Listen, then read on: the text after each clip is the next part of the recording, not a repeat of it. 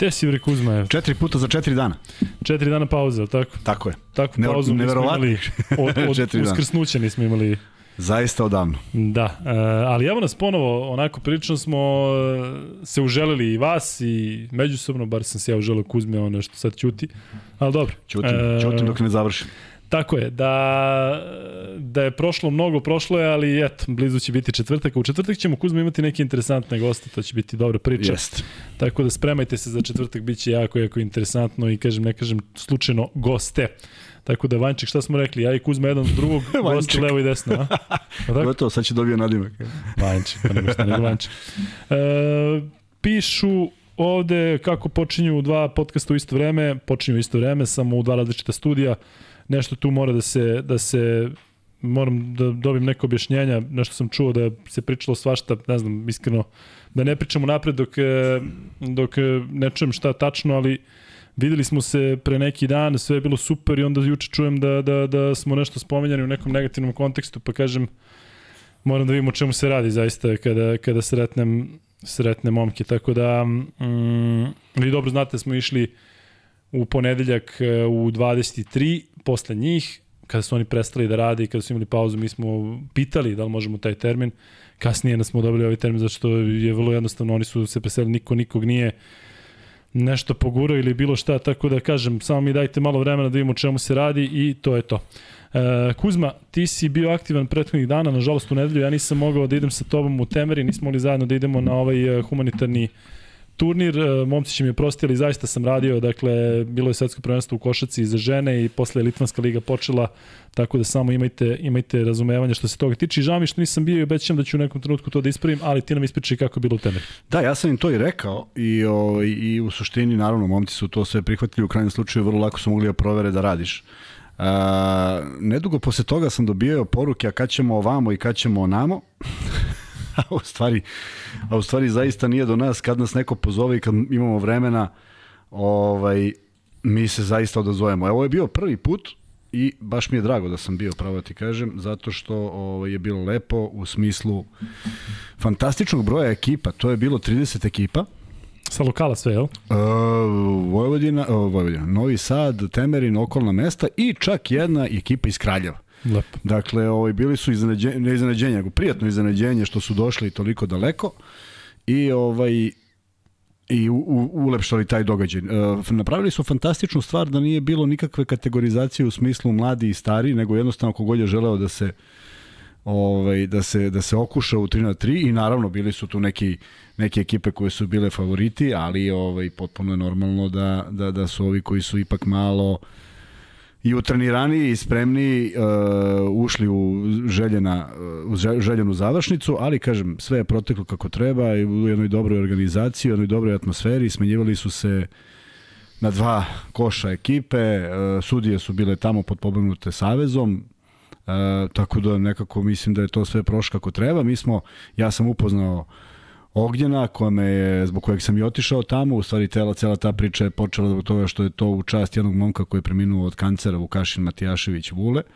preminuo od kancera jako mlad, to sam se tamo raspitao, i onda su u njegovu čast napravili taj turnir, a u stvari jedna divna, divan povod da sve pare koje su uspeli da, da, da, da skupe idu na operaciju Ognjenu, Uh, čekaju ga tri operacije i da ti sad ne objašnjavam šta sam tamo pričao, uh, sa njim, ali vrlo je pozitivan da će to sve uspeti i eto, to je bio jedan divan povod. A Vanja, ako si spremio slike ili kad budeš spremio, samo da ovo, ljudi pogledaju koliko je učesnika bilo i ko su organizatori i na trećoj slici sam ja sa Ognjenom, dobili smo jednu zahvalnicu, naravno, pošto sam sad išao i pravo iz grada, dolazim ovde, nisam ti poneo i majicu koju si dobio i, i zahvalnicu nama za promociju i uh, ovo što bude ostalo ispod podcasta, taj žiro račun i dalje postoji. Svako ko želi može da nastavi, jer nikad nije malo sredstava, kažem, čekaju ga tri operacije, a to sigurno da, da iziskuje ozbiljna materijalna sredstva. U svakom slučaju, e, jedna, jedan dobar skup ljudi na jednoj, jednoj divnoj sali, koja je okolo ima neke rečice, to je sve nešto... Koliko ti je trebalo do tamo? No, sat vremena, sat pa, i 10 da, minuta, autoputem i onda se prolazi starim putem, ali kako bi ti rekao, dva semafora postoje, Bački Jarak i Detemerin. Onda sam dobio neke informacije o fantastičnom broju igrača koji su se ovaj, ubacili u velike klubove iz, iz Bačkog Jarka, da uopšte to nije mali broj igrača koji je ponikao tamo, što je fantastično. I evo, evo ovde su svi učesnici i kažem, to je bila jedna ozbilja, ozbiljan broj ljudi koji su došli da, da se uh, bore za trofej, bili su pehari naravno i sve što to prati. Ne znam, pojavili su se neki momci stariji koji su poklonili večeru uh, za pobednike. Ovo su organizatori turnira i osvajači medalja. Lepo da ovo hala. Hala fenomenalna. Prošle godine sređivali parket. Evo vidiš, Vukaši Matijašević iza je, ovaj, naš baner je bio iznad i ovaj, hvala im što su ga napravili i kažu da, kažu da nisu hteli da ga lepe da bi mogao da ostane tako da su rekli da možemo da ga koristimo ako nam bude bio za, potreban za, Sjaj. za neke druge aktivnosti, ali eto, jedan lep povod i kažem ti, žao mi je što nisi bio jer je bilo takmičenje u trojki, to sam sačekao, tu smo napravili ovaj pauzu. Kako si prošao? Nisam šutirao, pa nisam, Ništa ja sam, nije, ti si se prijavio. Da, uh, bit će prilike, biće prilike zaista da da se to ispravi, ja kažem, ja ću u nekom trenutku gledati zaista da odem sa Kuzmom ili kako god, ali zaista je bio posao i nije moglo, bilo je neki sat i po vremena razlike između dva termina i između dva da, nije, meča nije, ne može, i nije ne bilo nikako. moguće. Ja kad sam video da je koliko 104 km sam ukucao, to ne može da bude za manje od sat vremena. Ne može, I onda ne može, nije ne fizički nikako. moguće, čak i da dođem tamo i da kažem kako ste ste dobro. I da kreneš nazad. Ali Tvanac Čankov se završio je, u 7, 6, 7, već je bilo kasno. Bio je ovaj lančani sudar na putu Eto, nazad, tako da sigurno ne bi ništa uradio. I ti nešto tamo u mestu Pa ja, zamesio. ja zamesio pa pobegao. pa nego šta. Ali ovaj, hoću da kažem još jednu bitnu stvar. E, ovo su, ovo su zaista momci koji su nam se javili i video si koliko smo u stvari svedoksi i svi su svedoci koji nas prate, koliko smo ispromovisali tih događaja, tako da najmanji problem da se neko javi ako budemo bili u stanju da dođemo, zašto da ne. Aleksandar Marović kaže još jednom hvala što ste došli. Eto, pa eto vidiš. Kažem ti, jedna fenomenalna ekipa ljudi koji to rade onako pre svega iz jedne emocije prema momku koji je preminuo, prema momku koji je povređen i, ovaj, i propustili samo jednu godinu kada je bio COVID, kada nije mogla da se organizuje, tako da želim im svu sreću da, da, da bude internacionalni turnir u nekom periodu, jer bi tako, tako su zamislili, imaju neka, koliko sam razumeo, dva hostela za smeštaj, pošto bi onda to moralo da traje malo duže. I ako sam dobro razumeo, a ne grešim, imaju dobru pomoć od lokalne samouprave, jeste da se tu malo čeka za neke odluke, ali na kraju krajeva dobili su salu i sve ono što je bilo potrebno, tako da jedna fina manifestacija, ne toliko daleko od Beograda, a, ovaj, a volao bi da se neki košarkaši iz Novog Sada, kojih ima zaista veliki broj, uključe u to i eto pozivam ih da sledeći put isprate oni i da se tamo družim. Kažem još jednom, bit će prilike. Uh, vidim da imate već dosta pitanja uh, u vezi ovog potencijalnog pojačanja Zvezde, Stefana Jovića koji je ovde pričao. A morali smo naslov da menjamo, jel da? Tako je, da, Kuzma je to video unapred nešto, ali e, dobro, možemo da počnemo sa tim, ali da kažem samo da ćemo danas zaista imati dosta tema za razgovor, dakle, uključit ćemo i Vanju u jednom trenutku, zato što se dešavalo i nešto preko bari, što bi rekli. Imaćemo naravno prilike da prokomentarišemo i ovo što se dešavalo u Fibino Ligi šampiona, ABA liga, to smo već prošli što se tiče timova, ali pričat ćemo naravno uopšteno o ABA ligi koja, koja počinje uskoro i naravno svetsko prvenstvo za košekašice, tako da sve u svemu imamo zaista dosta aktualnih tema. I Kuzma, ajde da počnemo onda sa ovim Pucaj. oko Jovića. E, pitaju ljudi koliko je to sigurno, gde si pročitao, gde ne znam, to je negde izašlo i neko sad to već pro, provlači kroz, kroz e, društvene mreže. Ne znam koliko je izvesno, ali znam jednu stvar da u ovim utakmicama u kojima smo gledali novo pojačanje zvezde, playmakera, da nije briljirao. Ne znači to opet John mnogo, Adams, da, tako. ne znači da Adams pa sad da mu kažem ne znači, ali očigledno da morala je bar jedna utakmica da bude bolja. E, obično, obično kad praviš taj neki ritam priprema, mm, uradiš, uradiš ovo što je Zvezda uradila. Krenula je od lakšeg protivnika ka sve težem, došla do Evrolige i to je trebalo da bude neko ajde ne kažem pravo merilo, nego jedna utakmica u kojoj pokažeš šta možeš i izgubiš, nije sporno, nego samo da, da se neke stvari vide kako izgledaju. Uh, Ono što nije dobro izgledalo, to je taj šut koji nije bio toliko loš na prethodnim utakmicama, tada je baš zatajio 31-4, ali u suštini veći problem je što uh, ima ozbiljan potencijal u odbrani koji nije uspeo da zaustavi igrače Olimpijakosa, primili su i su više mnogo poena. E, to je nešto što bi trebalo da zabrine i kažem još jedna ovaj, bleda partija organizatora igre. Otuda možda se pojavljuje sad ova ideja da kad je već Jović tu i kad je spreman i kad je voljan i kad je željan i sve to, ako se poklopi, on bude neko ko bude, da bude u ekipi. Mislim da bi sa Markovićem bio onako ne kažem pravo rešenje, onaj pravi Stefan Jović da, ja ne mogu da znam kako je, u kojoj, koliko je on spreman i koliko su te povrede prošlost, ali ako jeste, voleo bih da da se tako nešto desi. S druge strane, e, pričao sam sa mnogo ljudi onako i na ulici i u kafiću i gde nekoga sretneš, svi su, svi su o, ne kažem impresionirani, ali svi su stekli utisak da je Marković mnogo drugačiji, što smo komentarisali ta, taj dolazak u pola sezone iz jedne faze mirovanja nije bio ni malo lak, pušten u vatru o, vrlo rano i, i nije to bio on, ali sad izgleda i sa nekoliko kila manje i mnogo drugačije izgleda ta organizacija napada kad je on u igri. Naravno, ušao je u godine kada nije zamislivo da igra 30 minuta, ali ono što može da odigra to je tih 20 kusur minuta i mislim da da će ove godine biti one ono pravo izdanje, ono što se od njega očekuje. E, ja samo da prokomentarišem za Jovića da smo mi čak pričali privatno i pre i posle podcasta, dakle Zvezda u onom trenutku kada je on došao je, ajde da kažem, bila na dalekom štapu, očigledno se nešto promenilo umeđu vremenu i ja sam mu rekao, ja mu želim zaista da pronađe pravu sredinu, daj Bože da je Zvezda prava sredina. Ono što mogu da kažem to je da taj momak od, onako um, deluje kao vrlo psihički stabilan, spreman, uh, fizički je uh, kako sam kaže, u najboljoj formi ikada, to ste čuli vi u podcastu, tako da ja zaista mislim da ako se te stvari slože i ako, e sada, da se vraća recimo u Radonjićev sistem, ko ono što je rekao Luka Mitrović, vjerojatno bi mu lako bilo da pohvata neke stvari. Pretpostavljam da Vlada Ivanović nisam gledao ove pripremne utakmice, ali da je to ipak mnogo drugačije, tako da će vjerojatno i njemu trebati i vreme da se navikne i na nove igrače, pošto je potpuno drugačiji tim u odnosu na ono što je on da, u kojem je bio. Tu je Mitrović, tu je Lazić, tu je Dobrić.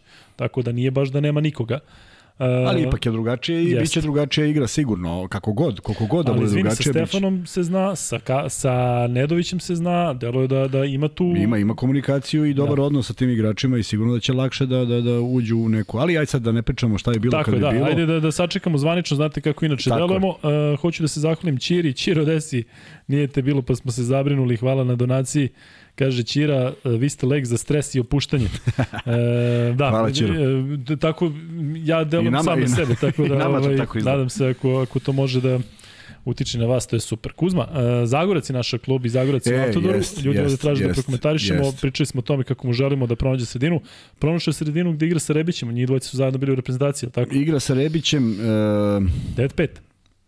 Da, da, oni su iz iste, iz iste generacije. Igra sa Rebićem i igra ne mogu kažem opuštene, nema u savremenoj košarci, nema ni jednog kluba u kojem možda igraš opušteno, ali možda neće biti toliko pritiska. Dakle, u smislu jedne lige koja je za nijansu drugačija od svega što je igrao, negde je bio stalno u centru pažnje, sve te utakmice koje je odigravao i svi su gledali nekako u njega, tako mi delo. Ja verujem da i njemu tako delo je, da su svi gledali sve oči uprti u njega i onda kad igraš pod takvim pritiskom ne ide to dobro. Uh, drago mi je da je našao klub uh, ipak na vreme, nije nije to toliko, verujem da je trenirao celo leto. U krajnjem slučaju imali smo par snimaka od našeg prijatelja koji je odlazio u ovaj, Borac, Borac Zemun pa je slikao i sveća smo da, prekomentarisali da, da bismo želi da ga vidimo što kraće tamo, tako da mi je mnogo drago što uh, i, vol, i žela bi da prati, ne žela bi, nego pratit ćemo sigurno kako igra, jer uh, zaista mislim da taj dečko nije iskoristio sa svoj potencijal i možda ovo bude neka godina, neka prekretnica za jednu uh, mnogo, mnogo bolju karijeru, jer ako pogledamo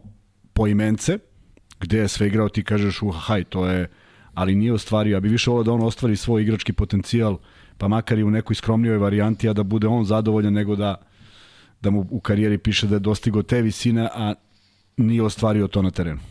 E, ovde ljudi prolaze sa teme na temu, ali naši podcast inače tako funkcioniše, ajde da ne bismo propustili neka Stavit ćemo pitanja. one stampse, ono, od da. 1.10 do 1.16 pričali o ovom. I posle se vratili na to od 2.17 do 2.40. Da. E, žele da prokomentarišem ovde ovo novo pravilo o kojem smo pričali prošli put. Jesi vidio kako to izgleda e, na licu mjesta? ovo kada izvode out Kalinić kada Ja sam se momentalno flashbackovi iz 80-ih, kažem. Ali nevjerovatno. Da. Jesi kada u jednom trenutku svi shvate da je to moguće, pa onda svi krenu svi krenu, a svi stoje, pa naravno, to da. biće potrebno da se naviknu. Jeste. Ali ako, vidi, sad, ja onda, ja onda jedna stvar sada, zašto je to ukidano? Ukidano je zato što je si sticao neku prednost koja je malo prisebnija i sposobnija, ali sve ekipe su funkcionisale tako. Dakle, u tom periodu kad ti viš da neko trči po loptu, nisi ti sad čekao sudiju da on uruči. Nego kad si... to prestalo? Ja mislim, 90? ne, ne, 80-ih ja bih 80 rekao. Ne, 85 je mnogo, ja sam već igrao. Mislim, mislim da je druga polovina 80-ih. Ako neko zna, neka nam kaže. Da. Ali mislim da nije povezano sa trojkom. Mislim da je još malo trajalo. Trojka je 84. je li tako?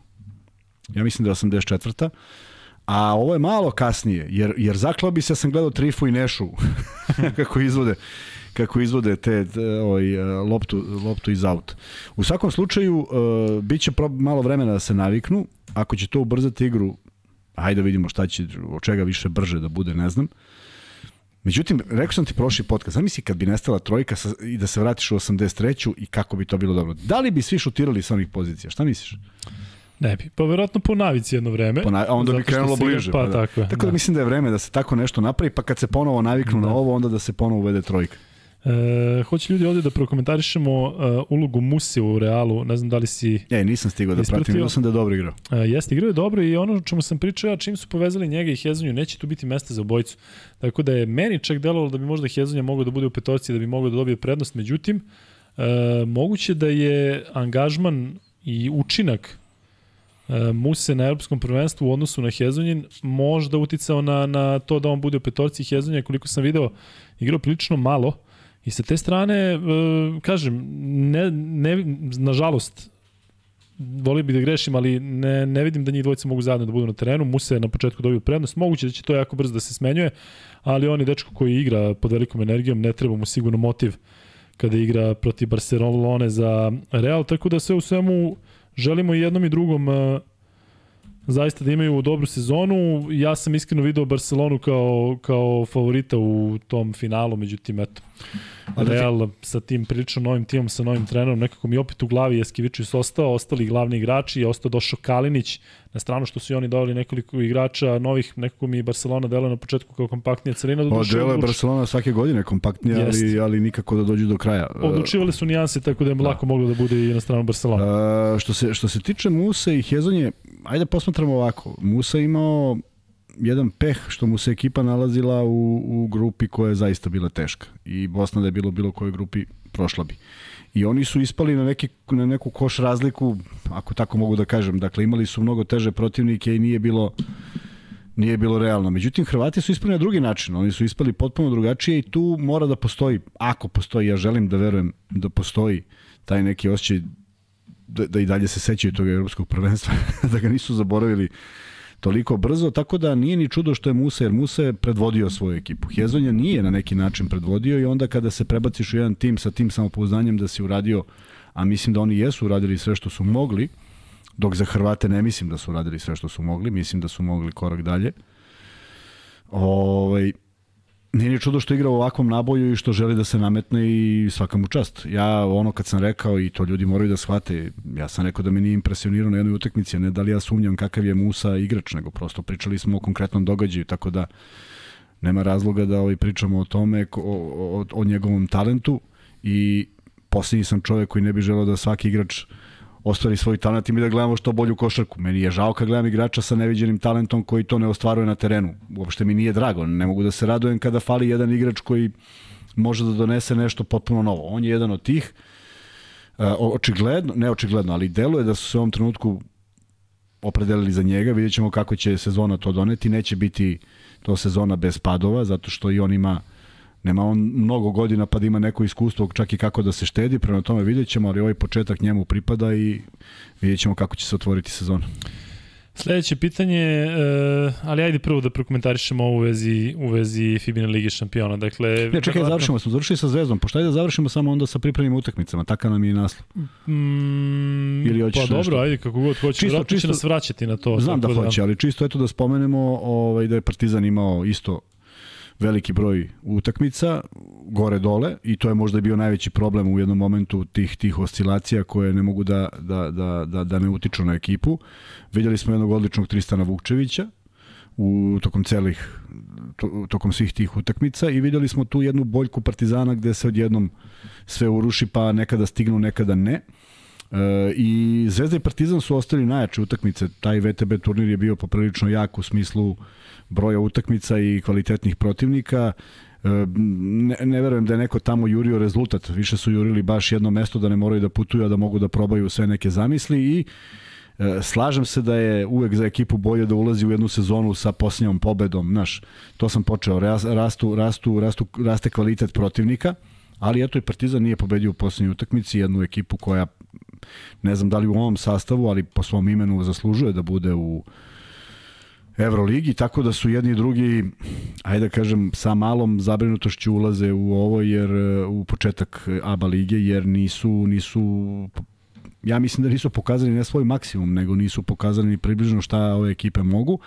A na sve to se nadovezuje jedna loša vez za Partizan da, koju sam danas pročitao da Vramović mora još da pauzira. Sad, da se zna koliko? Pa kažu mesec dana, to je strahovito da, mnogo. I oni Smajlagić ima da ulete tamo da. u mašinu u novembru, da, oktobru. To je strašno ne. mnogo, a ja ne znam ko nam je pričao za tu povredu. Je li Truna pričao za povredu? Jeste, da je pričao da, da su to da. nezgodne povrede, tako je. I vidi se da, i nažalost, eto, on je to pričao, to se obistinilo, ali Uh, kod Avramovića ipak kudi kamo lakša okolnost što može da trenira da trenira fizikaliju, što može da trenira bez lopte. Nije, nije lako trenirati bez lopte suvo dva meseca, ali desna ruka, na, polomio je desnu ruku, levu ruku može da, da, da vežba, pa makar nešto. Međutim, to je veliki peh za Partizan, jer zaista on donosi tu jednu energiju i mislim da od svih, kad saberemo sve igrače Partizana, ja mislim da je on jedva čekao da počne ova sezona i da pokaže koliko može u smislu da su neke stvari i sad će pokazati da li je on tu uspeo da, da, da, da prelomi to, da li su neke stvari prošlost, da li su neke stvari ostale u prošloj sezoni i da li on može da igra sa mnogo većim fokusom. To je u stvari jedino pitanje koje, koje bi ja volao da vidim odgovor. Vidim da ovde ljudi malo se i šaljivo odnose prema tome da li će prvo da se povredi Nedović ili Jović. Dajte momcima šas, šansu, ja mislim da zaista treba da, da budu samo zdravi. Imamo sličnu yes, situaciju yes, sada sa Vramovićem yes, i Smajlagićem yes. da vuku neke povrede da je da je generalno kada e, Jović ovde priča koliko je spreman, ali nekako je asocijacija nažalost na njih da se često povređuju, posebno zato što nisu to je tako kako je, da, nije to u ništa. U poslednje vreme onako u prvom planu, tako da ajde samo da da se nadamo da će svi biti dobro, ipak je reč o igračima koji sigurno da su kandidati za, za reprezentaciju, tako da sve u svemu e, možda zvuči odvratno, ali nekako mi je draže, draže, e, nekako mi manje se potresem kada čujem da se stranac neki povredio, jeste katastrofa bila povreda Vajta. Da, da, da. Katastrofalna, da, da. ali nekako kad su ovi igrači koje možda želiš u prozorima, pa se asocirate šta Ima su se radili. Ima više težinu, da. Drugačije, činjenica da je tako. E, Petrušev, pitaju ovde za Petruševa.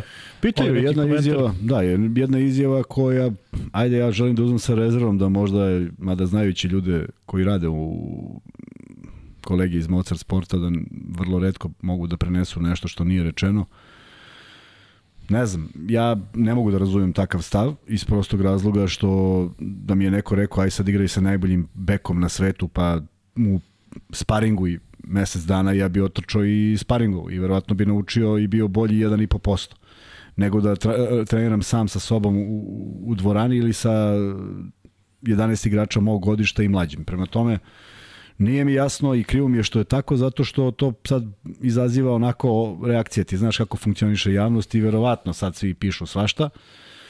A, ako posmatramo tako, mislim da ne postoji u životu šta možemo porediti najbolje. Znaš, da kažeš, e, mogu sam da provedem vreme i na neki drugi način. Pa uvek možeš. Možemo mi sad sedimo negde u kafani u dormitoru i jedemo prasetinu. Nije to sporno, ali neke stvari nekako E, nemaju, ne bi trebalo da imaju tu cenu i ako i imaju čak zadrži za sebe, ispriča nekom svom bližnjem, poveri mu se, vidi šta on kaže pre nego što ode u javnost. Tako da, žao mi jer je to mlad momak koji ni jednu reprezentaciju do sada nije propustio. 16, 18, 20, kad god. A to govori više o, o celoj njegovoj situaciji, ali tako, momak koji očigledno ima želju i to nije tako, sporno, tako. ali lepo si ti rekao da je možda za njega bilo bolje da je ovo leto prepustio u reprezentaciji, zato što je uticalo kontraproduktivno i psihički. Pa evo i sad vidiš kako da utiče, a trebalo tako. bi da utiče u svakom smislu pozitivno, dakle, to, to mora onda da se proceni, jer ako je, ako je on takav utisak imao, on mora da je odavao takav utisak. Znaš, ne možeš ti sad izjaviš ovo, a u stvari radio si 120% ne znam, na, na, na ljudima koji vode reprezentaciju na, na, na stručnom štabu je da se time bave, ali meni je jednostavno ova izjava kad izleti ovako i kažem, ajde, želim da verujem da postoji neki procenat da je izvučeno iz konteksta, ali se bojim da nije i uh, ne, prosto ja sam ubeđen da svi oni reprezentativci koje mi doživljavamo kao naj, najkvalitetnije što smo imali, što pamtimo, u čega smo počeli da igramo košarku, ja verujem da su imali pametnija posla da rade. U to sam ubeđen. Ja verujem da ni jedan od njih nije krenuo sezonu spreman. Naprotiv, uvijek su posle tih velikih takmičenja kretali sezonu ili sa povredama ili sa bolovima ili sa nečim, ali nije se dovodilo u pitanje i nikada nisam pročitao nekakvu sličnu izjavu. Evo, ovo je prva ako neko zna neku nečiju drugu izjavu, evo nek me podsjeti, ali nekako mislim da nisam nisam uspeo da pročitam tako nešto od, od, od velikog broja igrača koji su prolazili kroz reprezentaciju unazad 20 godina, 30, 40, 51. Um, da, kada smo već kod Zvezde, vraćamo se opet e, na to, zato što vidim da je naravno aktualno. Um, piti ovde da li će moći e, da igraju zajedno Jović, Adams, e, Marković, Ivanović, ko bi tu recimo mogao da izostane, odnosno pitaju konkretno da li bi Adams ili Ivanović, ako se uklope Jović i Marković, neko od njih mogu da dobije otkaz. E, Ivanović može da se pomera, ali tako? Dakle, on može da ga pomeri na dvojku. Dakle, nije, nije, niko nije tu zakucan na poziciji 1 i da ne može ništa da igra drugo, tako? Ali kome bi recimo dao prednost, kom tandemu bi dao prednost da su svi spremni da su svi u formi? Kome recimo veruješ i ko ti onako deluje najbolje na terenu? Da su svi u formi, da su svi u formi, ne bi došao Adams, da su svi ovi u formi i da su bili. Zato što mi meni, meni odudara od onoga što što želim da igram. Uh, ja bih nekako postavio stvari kao što je to Sale Đorđević uradio sa reprezentacijom uh, u kombinaciji Marković-Teodosić. Pa je Teo imao one minijature, Marković trpeo pritisak odbrane, prevodio loptu, ulazili su odmah u jednu akciju 2 na 2 ili bilo kako, gde Teo rešava. E to bi mogao Nedović da radi, pošto je on u tim minijaturama izuzetno dobar, sposoban, kažem, opet si rekao ako je zdrav. I to bi mi bila Osovina bi mi bila Jović, Jović, Nedović, e, Marković. Što se iskustva tiče. I naravno onda, ako sam već izbacio Adamsa, imao bi još jednog playmakera i to bi bio to bi bio Ivanović koji bi mogao da ide na dva bez problema, da zameni Nedovića.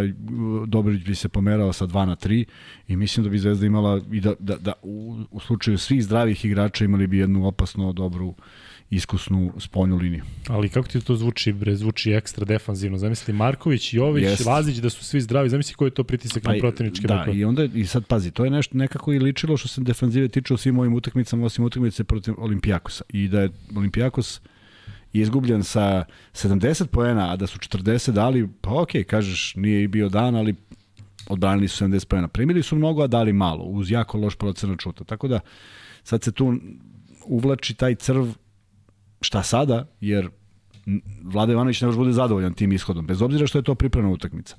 Ali kažem, viđali smo 31-4, ajde ih vidimo, ajde vidimo u pripremnom periodu i onda gledamo neke normalne procente, jer i Zvezda i Partizan samo kada su u pristojnim procentima, ako budu u pristojnim ja mislim da imaju apsolutno timove koji mogu da igraju protiv, protiv svih ekipa u okviru Euroligi. Međutim, početak je bitan, zdravlje je bitno, sve ovo što pričamo, Pričamo sa Rovitim Nedovićem, sa činjenicom da Jović još nije potpisao, a što se Partizana tiče, pričamo sa činjenicom da Smajlegić Uh, Egzum i, i, i Avramović nisu u timu. Tako da biće tu, biće tu sad nekih kombinacija kako, kako, ovaj, kako izgurati sve to bez njih, zato što je skraćena rotacija na koju si planirao u momentu potpisivanja i momentu sklapanja tima. Vidjet ćemo. Uh, dobra je stvar što počinje ABA liga. Možeš pogledaš s kim igraju? MZT. MZT koji igra? I ovde da li ćemo da dođemo. MZT Zvezda? Da. Ko pita? Ne znam, neko pita od gledalaca da li Zvezda ćemo MZT doći. igraju? Pa, da li ćemo doći na MZT? A, onda znači igraju Zvezda MZT. Pa, verovatno, da. Pa, dođemo. pa, kad nas lepo čovjek pozove, mi dođemo. Jeste. E, Kuzmo, ćete da pređemo malo na ovu Fibinu ligu šampiona, da Ajde. prođemo to, zato što ne vjerujem da će tu biti kasnije mnogih pitanja mnogo pitanja, a imat ćemo i naravno priču o svetskom prvenstvu u košaci, onda ćemo se naravno kasnije vraćati na ono što je najzanimljivije, a to su Zvezdi i Partizan. Dakle, Fibina Liga šampiona je odigrana i verovatno znate da FNP nije uspeo da se plasira i da su izgubili Beogradu od ekipe Bakken i um, malo to deluje, šta znam, da su Danci pobedili onako bljuta malo utisak, posebno kada cela sezona u Evropi je na na crti što bi se reklo, ali treba imati razumevanja, to je ipak ekipa koja nema iskustva, posebno ne evropskog, e, znaš, ja kad se setim železnik nekada, refleks bre, bio ozbiljna sila u Evropi. Bre.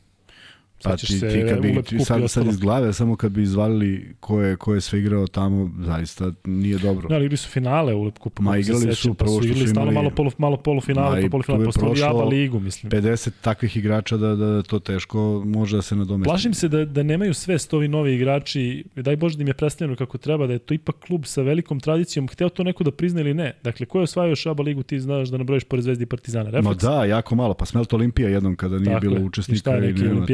Nešto da, da, tamo da. nešto. Makabi. Pa Makabi, da, ali ovaj, e, preozbiljna, preozbiljna priča i kažem sad želja da se vrate u ovu Fibnu ligu šampiona koja je sama po sebi jako dobra. Kasnije ćemo proći ove druge parove, odnosno timove koji su koji su prošli u, u tu uh, grupnu fazu. Uh, sve u svemu, ne znam koliko si stigao možda da ispratiš FNP, znam da si bio na onoj jednoj utakmici, kako ti je to delovalo? Mislim da si bio na prvom meču, na drugom. E, na, na drugom sam bio i bilo je tu dosta dosta Protiv Opave, dosta da protiv Opave dosta dobrih momenata i onda jednom jedan pad i na primjer Opava napravi 12 13 14 0 Izvini, juče je to bilo treća četvrtina Tako počinje, je. ti gubiš na polovremenu i šest minuta daš dva poena. Da. Pa počne produžetak, i I ne ne daš, ti ne daš da. 3 3 minuta A da si ne, ne, koš. samo ne znam šta se desilo na 72 69 za Železnik prosto primili su trojku, pa su vjerojatno promašili napad, pa primili i dvojku, pa su se spasli košem u poslednjoj sekundi. Ali ovaj, tu je, tu je negde, kad si već sve to Tu sam uradio... mislio da je produžetak sigurno njihov. Jel dođeš Da, na taj da, da, način dođeš na to, tako i opet kao. E, Radi se o ekipi koja je mlada i mislim da je cela ideja bila da imaju to drugo takmičenje koje bi apsolutno odgovaralo na nekom rejtingu ekipe i nekoj, nekoj ideji stručnog štaba, uprave, svih koji su se zalaž, založili za to da se ovo organizuje u Beogradu. E, gledao sam tu opavu. To su isto, kako bi ti rekao, ozbiljno jaki momci koji ne igraju sa mnogo rezona. To delo je onako malo, znaš, kao iz neke lige, Jest. pa u stvari u I nije, bilo ih je nije su najbolji. 10, znaš, bilo ih je 10, pa ti to delo je malo Da. blesavo, ali, na primjer, njihov playmaker Levak, koji krene u kontru 1 na 4, svi stanu lepo, pozicioniraju se, on šutne trojku i da, znaš, i ti sad nemaš baš tu mnogo objašnjenja šta to nisi dobro uradio. Tako da su vrlo nepredvidive, igraju stihijski i ovo što se danaca tiče, mislim da imaju šest ili sedam američkih igrača, tako da to nema nikakve veze sa Danskom, osim što je klub stacioniran tamo. Pritom imaju dvojcu koji su tu dugo. Pa da. To sam pravio. da. Dakle, to su momci koji su u sistemu, nisu došli sad preko leta pa ajde, dakle, su, da. ipak su u odnosu na FNP ajde da kažem, sigurno igranije. Dakle, Tako imaš je, Amerikanca tako je, koji se navikao. Znaš da oni, recimo, određeni Amerikanci vole tako da pronađe neku sredinu i onda ako mu je lepo, on tu bude, Tu tu bude imamo god, tako, i situaciju u Nemačkoj. jest. Dakle, i oni, kažem, momci očigledno igraju ovaj uh, igraju sigurno i u, pokazali su onako da kažem možda bolji karakter, odnosno jači Šteta je što plejada ovih momaka iz železnika neće imati tu drugu utakmicu. I to je, to je u stvari sve i to ne je toliko često, ne u tolikom ritmu, iako i to iziskuje i putovanja i nisu to baš neka Ali koliko mesta. to znači igraču, ajde ti si mi pričao Sigurno, koliko ti je sigurno, budućnost, pa ste išli preko Mađarske u jednom periodu, pa je mučno fizički, ali koliko ti znači igraš evropsku utakmicu, pa sad putuješ je, jedan deo Evrope, pa drugačije, drugi deo Evrope. drugačije se vraćaš na onu sledeću utakmicu. Pritom im je grupa, imaš- grupa im je. Darušafaka, dakle neka ozbiljna, Tako ozbiljna je, ekipa, tako ozbiljna imena. Uh, mi- mislim da mislim da je da je da je veliki žal njihov što nisu uspeli zato što se iz takvih utakmica sa pobedom ili porazom vraćaš sa nekim novim iskustvom koje sad naravno treba da imaš dovoljno talenta, pameti i svega da sprovedeš u sledećoj utakmici, ali bio bi to jedan pozitivan naboj jer uh, ono ono što na čemu je FNP koncipirao sve to je da da uvek ne branuju baš nikoga, igraju sve što mogu i kad mogu i daju svoj 100%, tako da i ovoga puta je takva utakmica bila, ali nije bilo dovoljno i šteta. Mislim da su već, ne mogu kažem da su svi videli, znaš, znali su da će biti teško i pričao sam sa par ljudi tamo na utakmici i uopšte nisu podcenjivali Dance kao oni dolaze iz Danske, nego su rekli baš naprotiv da su nezgodni, nepredvidivi, van nekih šablona i očigledno da je to A složit ću se da malo zvuči onako dođe danas u Beogradu Pa i jest. prođe u Ligu Pa šampiona, jeste, da. nekako Da. ranije nezamislivo za neki Da, ranije periode. da. Sećam se ono Partizan kad je igrao protiv Planje, meni je to u glavi Planja basket zato što su oni iz Lula i bili su dominantni u ovoj ligi kada sam ja igrao, ali bre to je bilo 30 razlike Da, da. lagano, dakle to se znalo da je to utakmica koju ti dobijaš bez, bez bilo kakvih problema, ali eto, možda Jeste, su se ali sad vidi, kad se bazira, kad se bazira košarka na šutu za 3 poena i svi nameste taj šut i šutiraju ko blesavi, onda stvarno nije lako da bilo kako braniš. Da, tako da, eto, FNP se sada okreće domaćem prvenstvu. Vanja, ajde samo umeđu vremenu da stavimo jedan pol uh, oko Jovića, pošto vidim da je to ljudima interesantno. Da li vam se dopada ideja da se Jović vrati u Crvenu zvezdu? Samo da ili ne, pa da vidimo šta kaže, šta kaže naša publika. Uh, pitaju ovde mene da li prenosim sutra Francusku. Prenosim, dakle Srbija-Francuska. Kažu da U 9.30. A pa to je, tamo idem da gledam, to, to ja idem da gledam. U ovaj kafić, jel? Aha. Da, pa koga nisam da bi Gledat ću te. Pa zašto si radio? Pa normalno. E, ali pazi ovo. Šta sve propuštaš e, čoveče? Kažu ovde da pozovemo reprezentativke Malija u goste i da stavimo kacige. Svi ste videli, dakle, ovo što su se devojke potukle. Joj, užas. Prenosio sam taj meč. E, ova jedna se zove Kuruma, ako nekom znači ova druga je Dabu. Stvarno ne mislim ništa loše. I nisam ironičan, ali moguće da su to neki ljubavni problemi. Zato što ja znam na koleđu kod nas su devojke znale da se pošibaju, a znamo da su u ljubavnoj vezi. Ima toga u ženskoj košaci baš, baš moguće, ne verujem da je protiv Srbije imaš 0-3, pa sad imaš, ideš na 0-4, ne možeš ništa da uradiš, izgubiš 20 razlike i sad si se potukao zato što te neko preskočio u napadu. Moguće da je nešto, ko zna šta, tako da ovaj, bilo bi interesantno da dobijemo neki odgovor i bit će interesantno da ih vidimo kako će igrati sutra. Probat ćemo da ih dovedemo u podcast, meču. makar online. Tako je, da.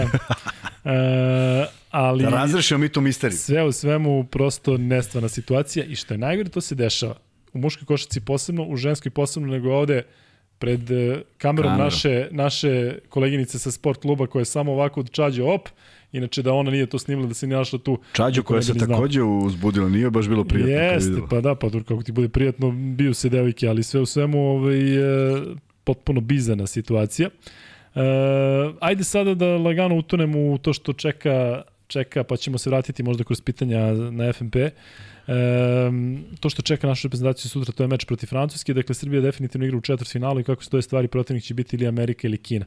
Mislim da nažalost ne možemo da se nosimo sa tim reprezentacijama da. fizički, zato što je jednostavno je nemoguće, da. to su timovi koji su na potpuno drugom nivou. Amerika je malo nivo iznad Kine i tako je bilo u međusobnom meču 73-60 je dobila ekipa Sjedinjenih država. E sada, ovaj meč protiv Francuske sutra uh, bi mogao da bude onako značajan pred to četvrt finale, a mislim da smo možda i u prednosti uh, zato što Marina Maljković je radila u Francuskoj, trenirala je neke od ovih devojaka. I pobeđivala ih. I igrala je protiv neke od ovih devojaka, tako da zna. Pa, tako da sve u svemu, e, to je dobra prilika da se Srbija pripremi, pritom da se nalažemo, e, možda ću na nekim drugim mestima pričati o tome, ali e, samo da se shvati da Srbija nije toliko mlati. Dakle, sve vreme se priča kako su to neke devojčice koje sada su odjednom bačene. Nije to baš tako, to treba reći onako direktno kao što voli selektor kada kaže. Dakle, e, po broju godina, to mi je poslao kolega, Srbija je druga na prvenstvu. Dakle, Australija ima, ima 30 godina u proseku, Srbija ima 28 u proseku. Pritom ima tu devojka, šest devojaka je osvojilo zlatnu medalju na evropskom prvenstvu, da je Crvendakić tu, to bi bila sedma. Dakle, nije to sad da kažeš na dugme smena generacija, jeste, ostaje ovih nekoliko devojaka i sve, ali samo da ne bude da je to možda pravljanje nekog opravdanja, mnogi timovi poput Francuske su doživjeli mnogo veće promene, pa i promenu trenera u odnosu na olimpijske igre. Tako da sa te strane Srbija nije u, u, u lošoj poziciji da sad je kao to sve nešto novo, za neke devojke jeste, za neke nije, čujem da se povredila Nevana Jovanović, da ima problem e, i da pitanje u kakvom će stanju biti sutra i danas igrala malo. Sve u svemu devojkama zaista želimo, želimo e, sreću i siguran sam da je četvrt finale neka prava mera da budeš u top 8 sa tim opet relativno novim timom na svetskom prvenstvu. Nije realno boriti se protiv Amerike i Kine, ali sve ko su, ovo nekako... Ko su kod na, u našoj grupi vodeće ekipe? Australija i Kanada, izgubili smo i od jednih i od drugih. Uh, e, vidiš kako bi bilo sad lepše da si u grupi sa Amerikom i Kinom. I juriš sve ove protivnike i nekako ti bude lakše. Tako da i tu ima do žreba, prosto uh, u suprotnoj ekipi su dve ekipe koje sigurno neće napraviti takav kiks i verovatno ćemo ih vidjeti u finalu ako to bude bilo moguće, ali one jesu najdominantnije, međutim tu baš kao kad vratimo film za evropsko prvenstvo, kad svi pričaju da imali smo samo po imence, ne, ne po igrama, po imence smo imali lakšu, lakšu grupu i onda kad ukrstiš, ukrstiš sa nekim jačim ekipama. Tako da, e, e, slažem se da je negde zgodnije da ako imaš dobar kvalitet, a uđeš u ekipu sa jakim, makar znaš s kim ne možeš da ukrštaš u određenom periodu i bude lakše. U svakom slučaju, ja znam jednu stvar, kod Marine Maljković nema tu neke predaje i nema neke filozofije, to će biti sve spremno za protiv koga god budu igrali, možda i neko iznenađenje taktičko, pa šta god budu uradile. Činjenica je da je ona najveći, najbitni faktor ovom timu, odnosno da ne, najveće ime. Ne. Uz dužno Naravno. poštovanje igračica, od kojih Naravno. neki imaju iskustvo, neki nemaju. Marina Maljković je neko bez koga ova ekipa ne zamislio. Nezamisliva ekipa i nezamisliva ženska košarka. Mislim Tako. da nije bilo nje, verujem da ne bismo ni pričali sad o ome i neko bi ustajao rano ujutro gleda neke druge reprezentacije. Ona je imala tome... jednu pauzu i u toj pauzi kada je dve, tri godine odsustvovali za reprezentacije, nije to baš išlo. Istim timom nije baš tako išlo. Je, tako je, tako je. Prema tome, moguće postoji neki plan B. te devojke se neće predavati dok se ne, ne, ne oglasi sirena i zaista treba im držati palče bez obzira što su upale u a taj ajde da kažem, pro, ne mogu kažem problem, ali dolazi ipak do smene generacija. Ti si naveo da nisu toliko strašne. Međutim, smena generacija nikad i ne sme da bude drastična. Ona mora da ide postepeno. Međutim, ono što mene uvek brineš kad, se, kad je ženska košarka u pitanju, koliki broj devojaka, mora da postoji veliki broj devojaka da bi ti izvuko kvalitet. A u Srbiji je sve manje košarkašica i to je veliki problem zato što iz nekog razloga e, se nekako taj sport nije nije na onom nivou na kojem je bila koje, na kojem je bio ranije, na kojem je bila košarka. Mada kad vratimo film, imali smo gošću Raziju Mujanović i kad mi saberemo taj tim, to je zaista tim iz, iz 22 milionske zemlje Tako je. u kojoj košarka i tekako bila zastupljena, pa si imao i ove i one, a ovde sad ipak na jednom manjem tržištu u, u zemlji kakva jeste i u sportu u kojem se ulaže u neke, u neke potpuno pogrešno, a nekako mi se čini da košarka sa svim, ženska košarka sa svim što je donela, ne da ne, ne odgovara adekvatno tome šta je ulagano, nego, nego je na, verovatno najveća suprotnost. Da, prvo da se razumemo, Australija i Kanada zaista jesu najkvalitetnije ekipe u ovoj našoj grupi B i realno je da se one i nose sa Kinom i Amerikom. Ne kažem da nemaju šanse, posebno Australija pred svojim navijačima, manje više sve devojke iz tog tima imaju neki kontakt sa WNBA ligom, što opet nije možda neko merilo, a sa druge strane ipak su igrale tu košarku protiv uh, Amerikanki, Kanadjanke, naravno šest igračica je povezano sa WNBA-em, tako da Biće, biće vrlo interesantno, mi se nadamo naravno da Srbija može i do, do polufinala, ali će definitivno biti teško. Tako da je treba ići naravno meč po meč.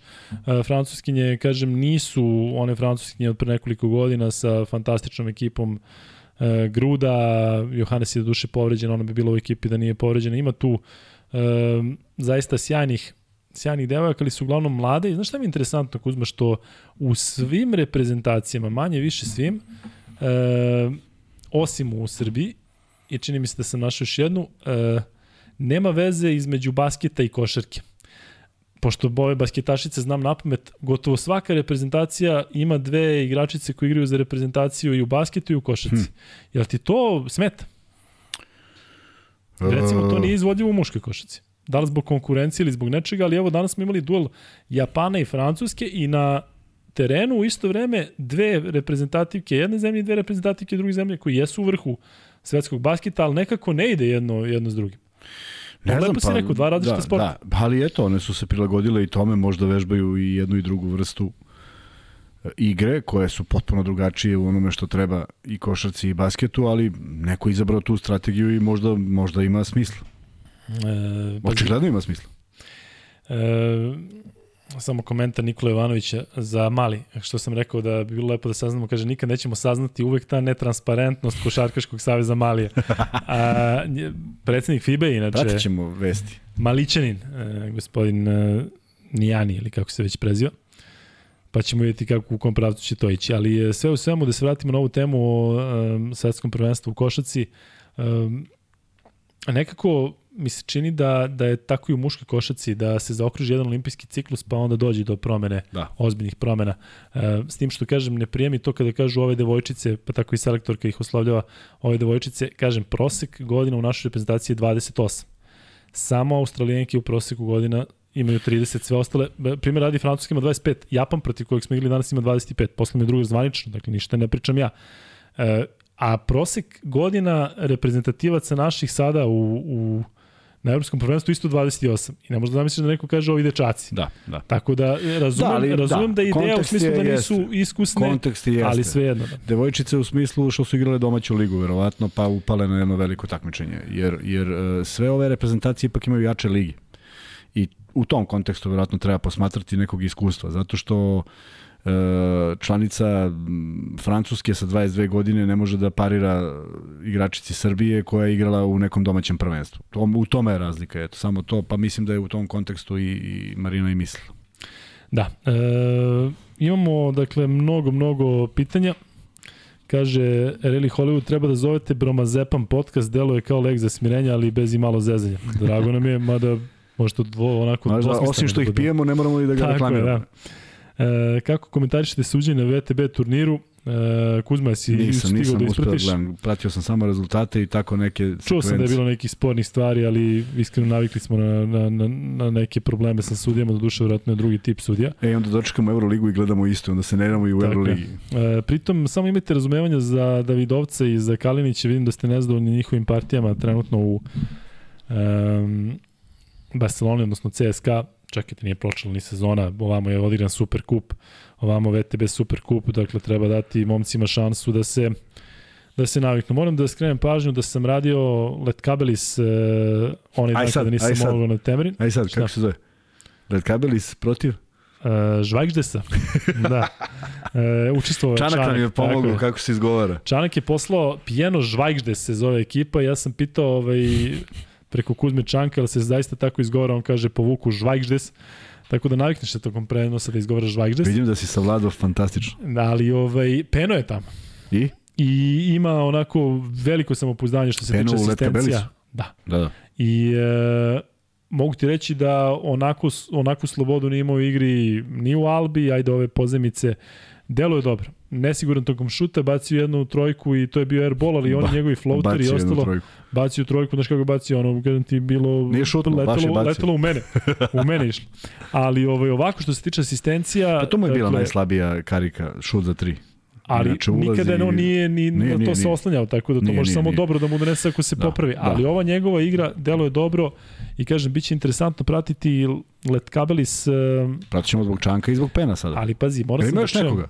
E, nema naš, ali Željko Šakić e, je tamo vratio se, on je Aha. hrvatski košarkaš, Aha, aha. imaju jednog konkretno dobrog Amerikanca Džamila Morris imaju vrlo disciplinovane li, ove Litvance na visokim pozicijama kažem ti deluje ok na početku doduše ovaj Pijeno Žvajgždes nije baš neka, neka, neki parametar prema kojem možeš sada da kažeš kako to izgleda, duše dobili su neki desetak razlike. E, sve u svemu, e, Biće zanimljivo pratiti. A te si nešto pokazao si rukom. Šta, ne Da, pa vraćao sam naš podcast da čujem kako Čanak e, akcentuje tim koji sam radio. Kako misliš da se akcent, aj reci? Koji? Ovaj njegov tim. Letka Belis. Nije. Ne, ne, na taj misliš? Da, ali kako akcentuješ? Ja sam mislio isto tako da je. Ne, nisam mislio, ali ja bi, mi ga akcentujemo, a on bi verovatno Letka, Letka Belis. Ne. Pa tako je, prilike ga. Letka Belis. E, Letkabelis. Letka Belis. Da. A meni je naš akcent, ja sam ranije zvao kad sam ga prinosio dok on je došao Ljet Kabelis, pa kombinuješ, pa i sve izmišlja, ali Let Kabelis, uh, Let Kabelis, kako je ovde, sad sam se izgubio ja. Sad ćemo Ko zna, Letka da. Da. Ali imaš tačno 11 minuta, on kaže, zadovoljni ljudi u Letkabelisu i, Eto. to, i onda ovo, tako, tako je, moj lepo. Da, pratit ćemo Čanka ove sezone iz Hoćemo. prostog razloga što smo ovde imali jednu divnu priču s njim. Izvini, Gagić je otišao Mhm. u Francusku, tako da ja sam, super. ovaj, vidjet ćemo u kojoj meri će ga zameniti Šakić, drugačiji tip igrača, ali neko ko ono radi za ekipu na terenu, jak, snažan, eh, onako podređen timu, tako da vidjet ćemo. Pratit ćemo sve goste koje smo imali. da, i samo goste, niko Samo drugo. goste, nikom, ništa ne spominjamo. Tako da Stefan Jović i zato što Peno je bio... tek kad dođe, znaš, pričamo o njegovim poenima. Tako je, da. Ove, sve u svemu, uh, zanimljivo će biti pratiti litvansko prvenstvo zato što su dobili novi klub koji se zove Wolves, Opa, koji je povezan sa Londonom, priča mi kolega, uh, znaš ko im je trener? Kurtinaitis, pritom je neka velika lova i puni su ovaj, nekih ono ekstra imena i dobili su prvi meč i bilo bi lepo da tamo pored Žalgirisa i se neko Svitasa, sledeći. ja. tu je naravno Latkabelis, ali ovaj, bilo bi lepo da iz Litvanije kao zemlje košak imamo još jedan tim koji može u Evropi nešto da uradi. Vulus je onako Nek ide vrlo prvo čudan. Letkabelis, pa onda, Da, onda ovaj pa onda svi ostali. E, dobro, e, što se tiče ovih dnevnih stvari, u suštini e, pričat ćemo kasnije sa Vanjom i e, Leksa pitao si da li će Vanja da da ovaj stavi mikrofon, stavit će mikrofon kad dođe ovaj e, e, vreme, ali e, stavi Vanček samo da vidimo koji, kako je prošao i prvi pol. Da vidimo da li vam se dopada ideja o povratku Jovića u Crvenu zvezdu. Ja sam možda subjektivan zato što je momak bio ovde, pa, pa kažem, zaista je onako uh, delovao super i pun energije i pozitivan i zdrav, prav. 72% vas kaže da vam se dopada, 27% ne, na prilično uh, dobrom uzorku. Uh, Luka, ko će da komentariše Partizan uh, Euroligu na sport klubu? Marko Vlahović, uh, Žule, odnosno mm, Peđa Jurišević ili ja, sva trojica smo, ajde da kažem, e, bi mogli da komentarišemo u smislu da da ne bi niko imao problem sa tim. E, znate na šta mislim, dakle, i Marko i Žule su Žule sigurno.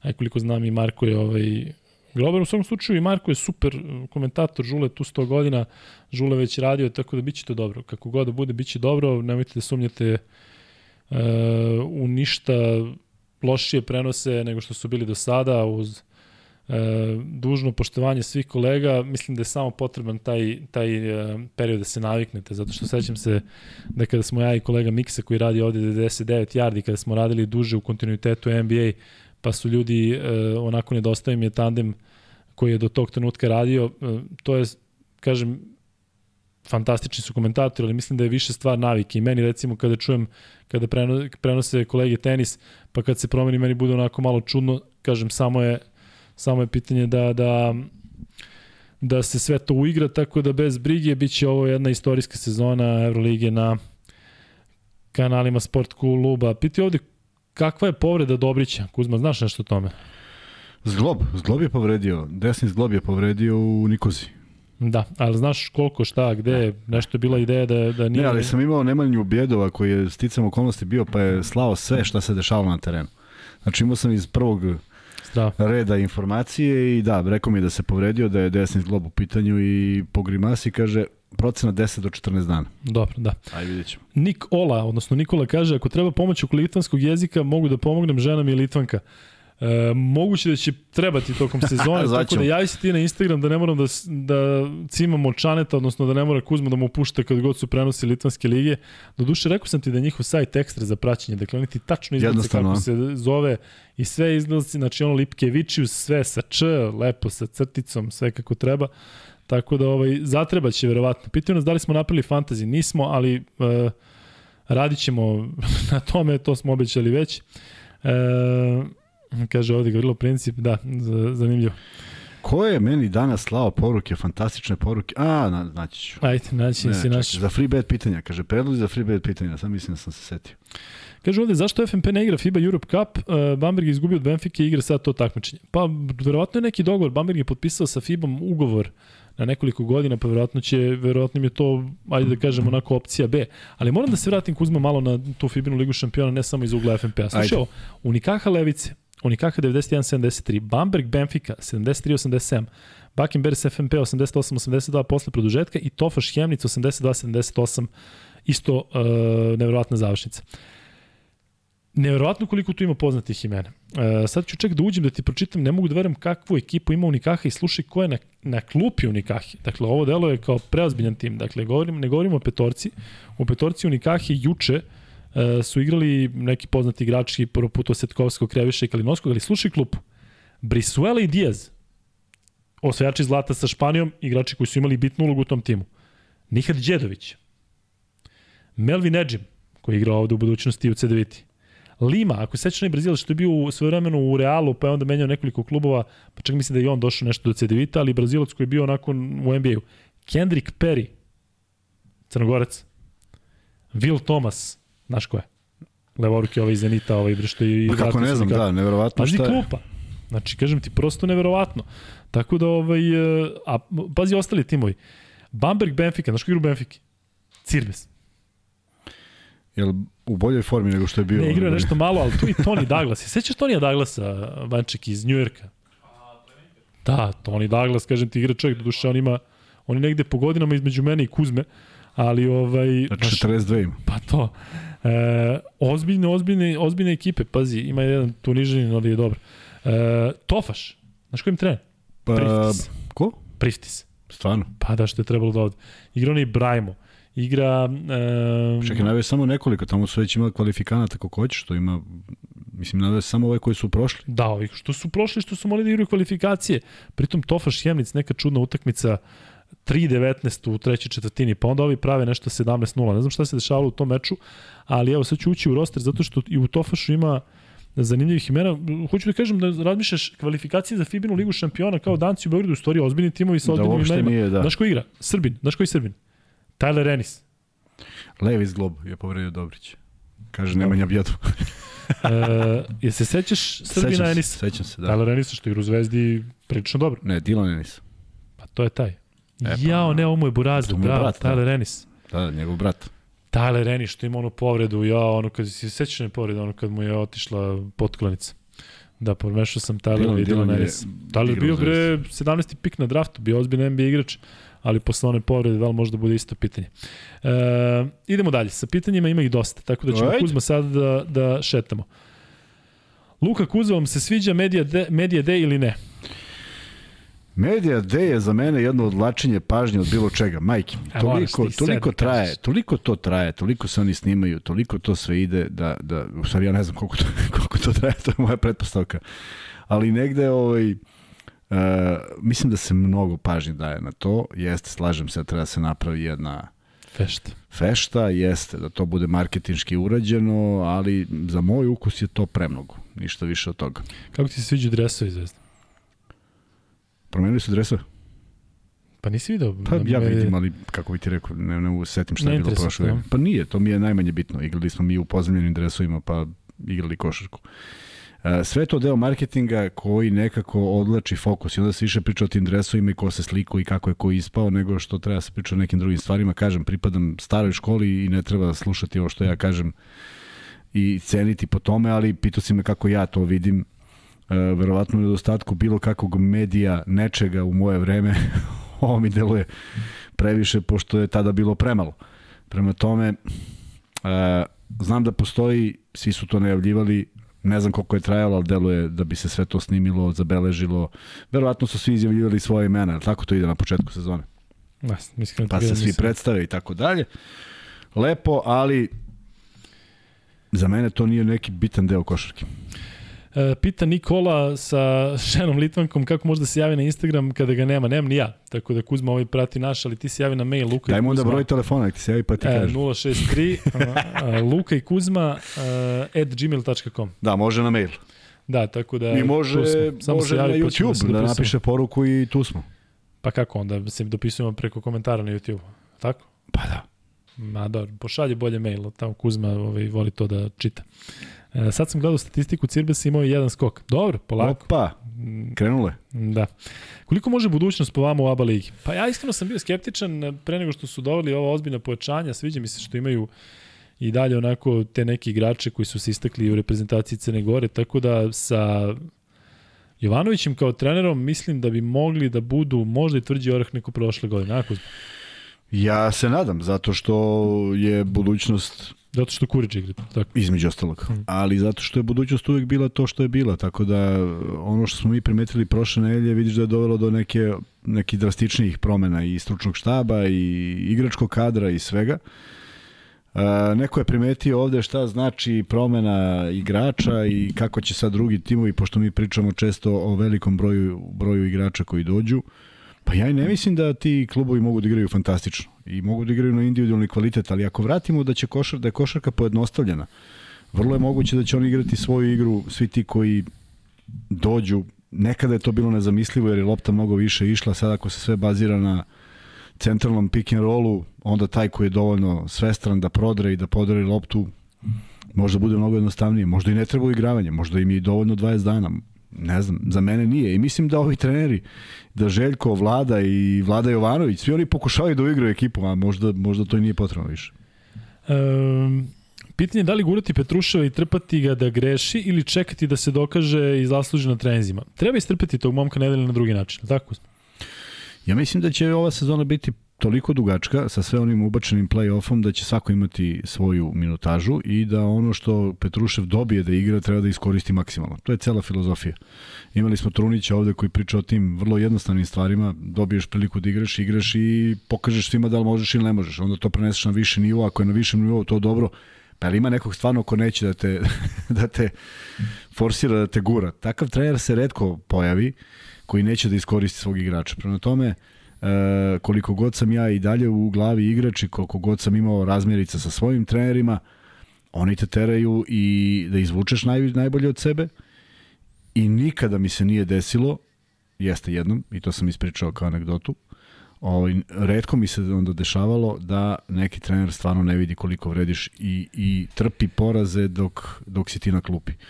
To se to nisam imao u karijeri i mislim da je to onda taj trener radi sam protiv sebe, onda to vide i ljudi iz kluba. Prema tome, od Petruševa sve zavisi. Ali, ako je on projektovao da igra 22 minuta, a igra 7 i time je nezadovoljan, onda neće biti ništa.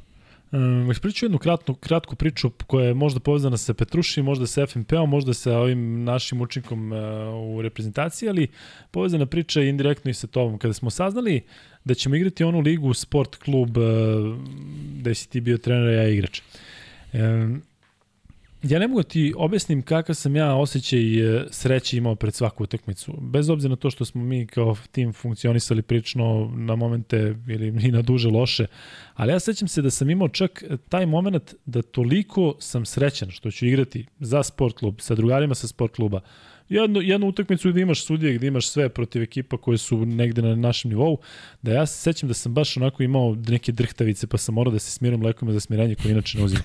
e, I ra, evo sad se naslija ta liga za vikend, u kakvom ću stanju ja igrati, da li ću igrati uopšte vidjet ćemo, sam si vidio da si ono dopisivanje. Da. Sad treba da se odradi nešto, mi smo u tom nekom playoutu. Ali zašto govorimo ovo? Mislim da to nedostaje da nedostaje, nisam video tu, ne, ne mora, očigledno samo nešto nije u redu, ali uh, s, uh, volio bih da vidim tako nekog igrača, ne znam kako je kada dobiješ recimo veliku lovu. Da li si onda ravnodušniji prema svemu? Zato što ovde nema ničega. Zavisi... Čak smo, sport klub je plaćao to, a ja sam kunem ti se Kuzma. Evo daću još jedan primer. Apsolutno ne veličam sebe. Oči, kažem, vidite da samo nešto nije u redu. Ja sam ja dao te sezone nekoliko stotina ma nekoliko hiljada, ja mislim da sam dao evra na terapije, kunem vam se. Ti sećaš, ja sam povredio ložu, pa indiba, pa zad, pa što ti pa to onda nisi pa rekao da eliminišemo iz tima? Ne, ne, ovo, pa sećaš da sam igrao pa se povredim, pa stopalo, pa koleno, pa ne znam ovo, pa ono, pa mi ovaj kaže, doktor, ne možeš da igraš. Ja kažem, hoću da igram. Pa kao tri nedelje, pa ne, vrati se. Pa svaki dan na, na, na terapiju nekada i dva puta dnevno za da izvinu ljudi jebenu, razumeš, kompani, ligu, Čini mi se da to nekim igračima nedostaje. Nedostaje. I tu ti je ta ljubav i neka strast koju imaš. I to ako, ako, ako nemaš to, sve ostalo je uzalud. Mislim, može da se prođe i može da se napravi dobra karijera, ali e, zaista nas je, i neću da grešim dušu, ne mogu ja da kažem da u ovom vremenu ne postoji, daleko od toga, ali zaista nas je gurala pre svega ta, ta energija. Zato što, kažem, dugo nismo razmišljali da mi od ovoga živimo i da mi imamo neki novac. Jednostavno, taj novac je bio toliko nesiguran. U određenim klubovima nikad nije ni stigao. Uh, svaki igrač iz tog perioda je ostao uskraćen za nešto. Uh, znaš kako smo prelazili preko toga? Pa ok, idemo dalje. Šta da radimo? Mislim, protiv sistema nisi mogao i samo se okreneš i ideš dalje i veruješ da možeš. I tako smo svi emo praštali neke dugove ili neke zaboravljali ili se neki klubovi samo ugasili pa više nemaš od koga da potražuješ, ali zaista nas to nije zaustavljalo. Jer, jer, jer smo želeli da igramo pre svega. E, nekako je bilo sekundarno. I moram još jednu stvar da vratim onako iz filma, iz filma, iz života. Uh, imali smo i dovoljno novca u odnosu na standard ljudi. Uh, nismo kupovali automobile izvan onog ranga koji su mogli sebi da priuštimo. I nama nije bilo sramota da se vozimo jugom, bubom, Ladom, Osim jedan god. centar budućnosti što si mi ispričao ranije. Ko?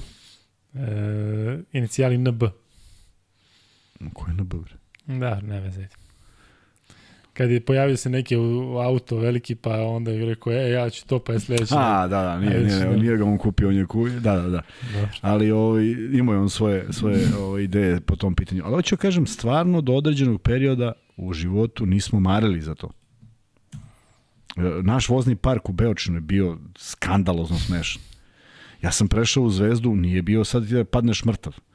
Uh, otišao sam u budućnost, meni su se svi smijali što sam kupio bubu. Kao, što ne kupiš pravi auto. Mislim, šta god to značilo. Uh, ete, e, i to je tad prvi put da sam ja shvatio da postoji neka, neka priča novca u našim životima i da tu treba nešto da se meri.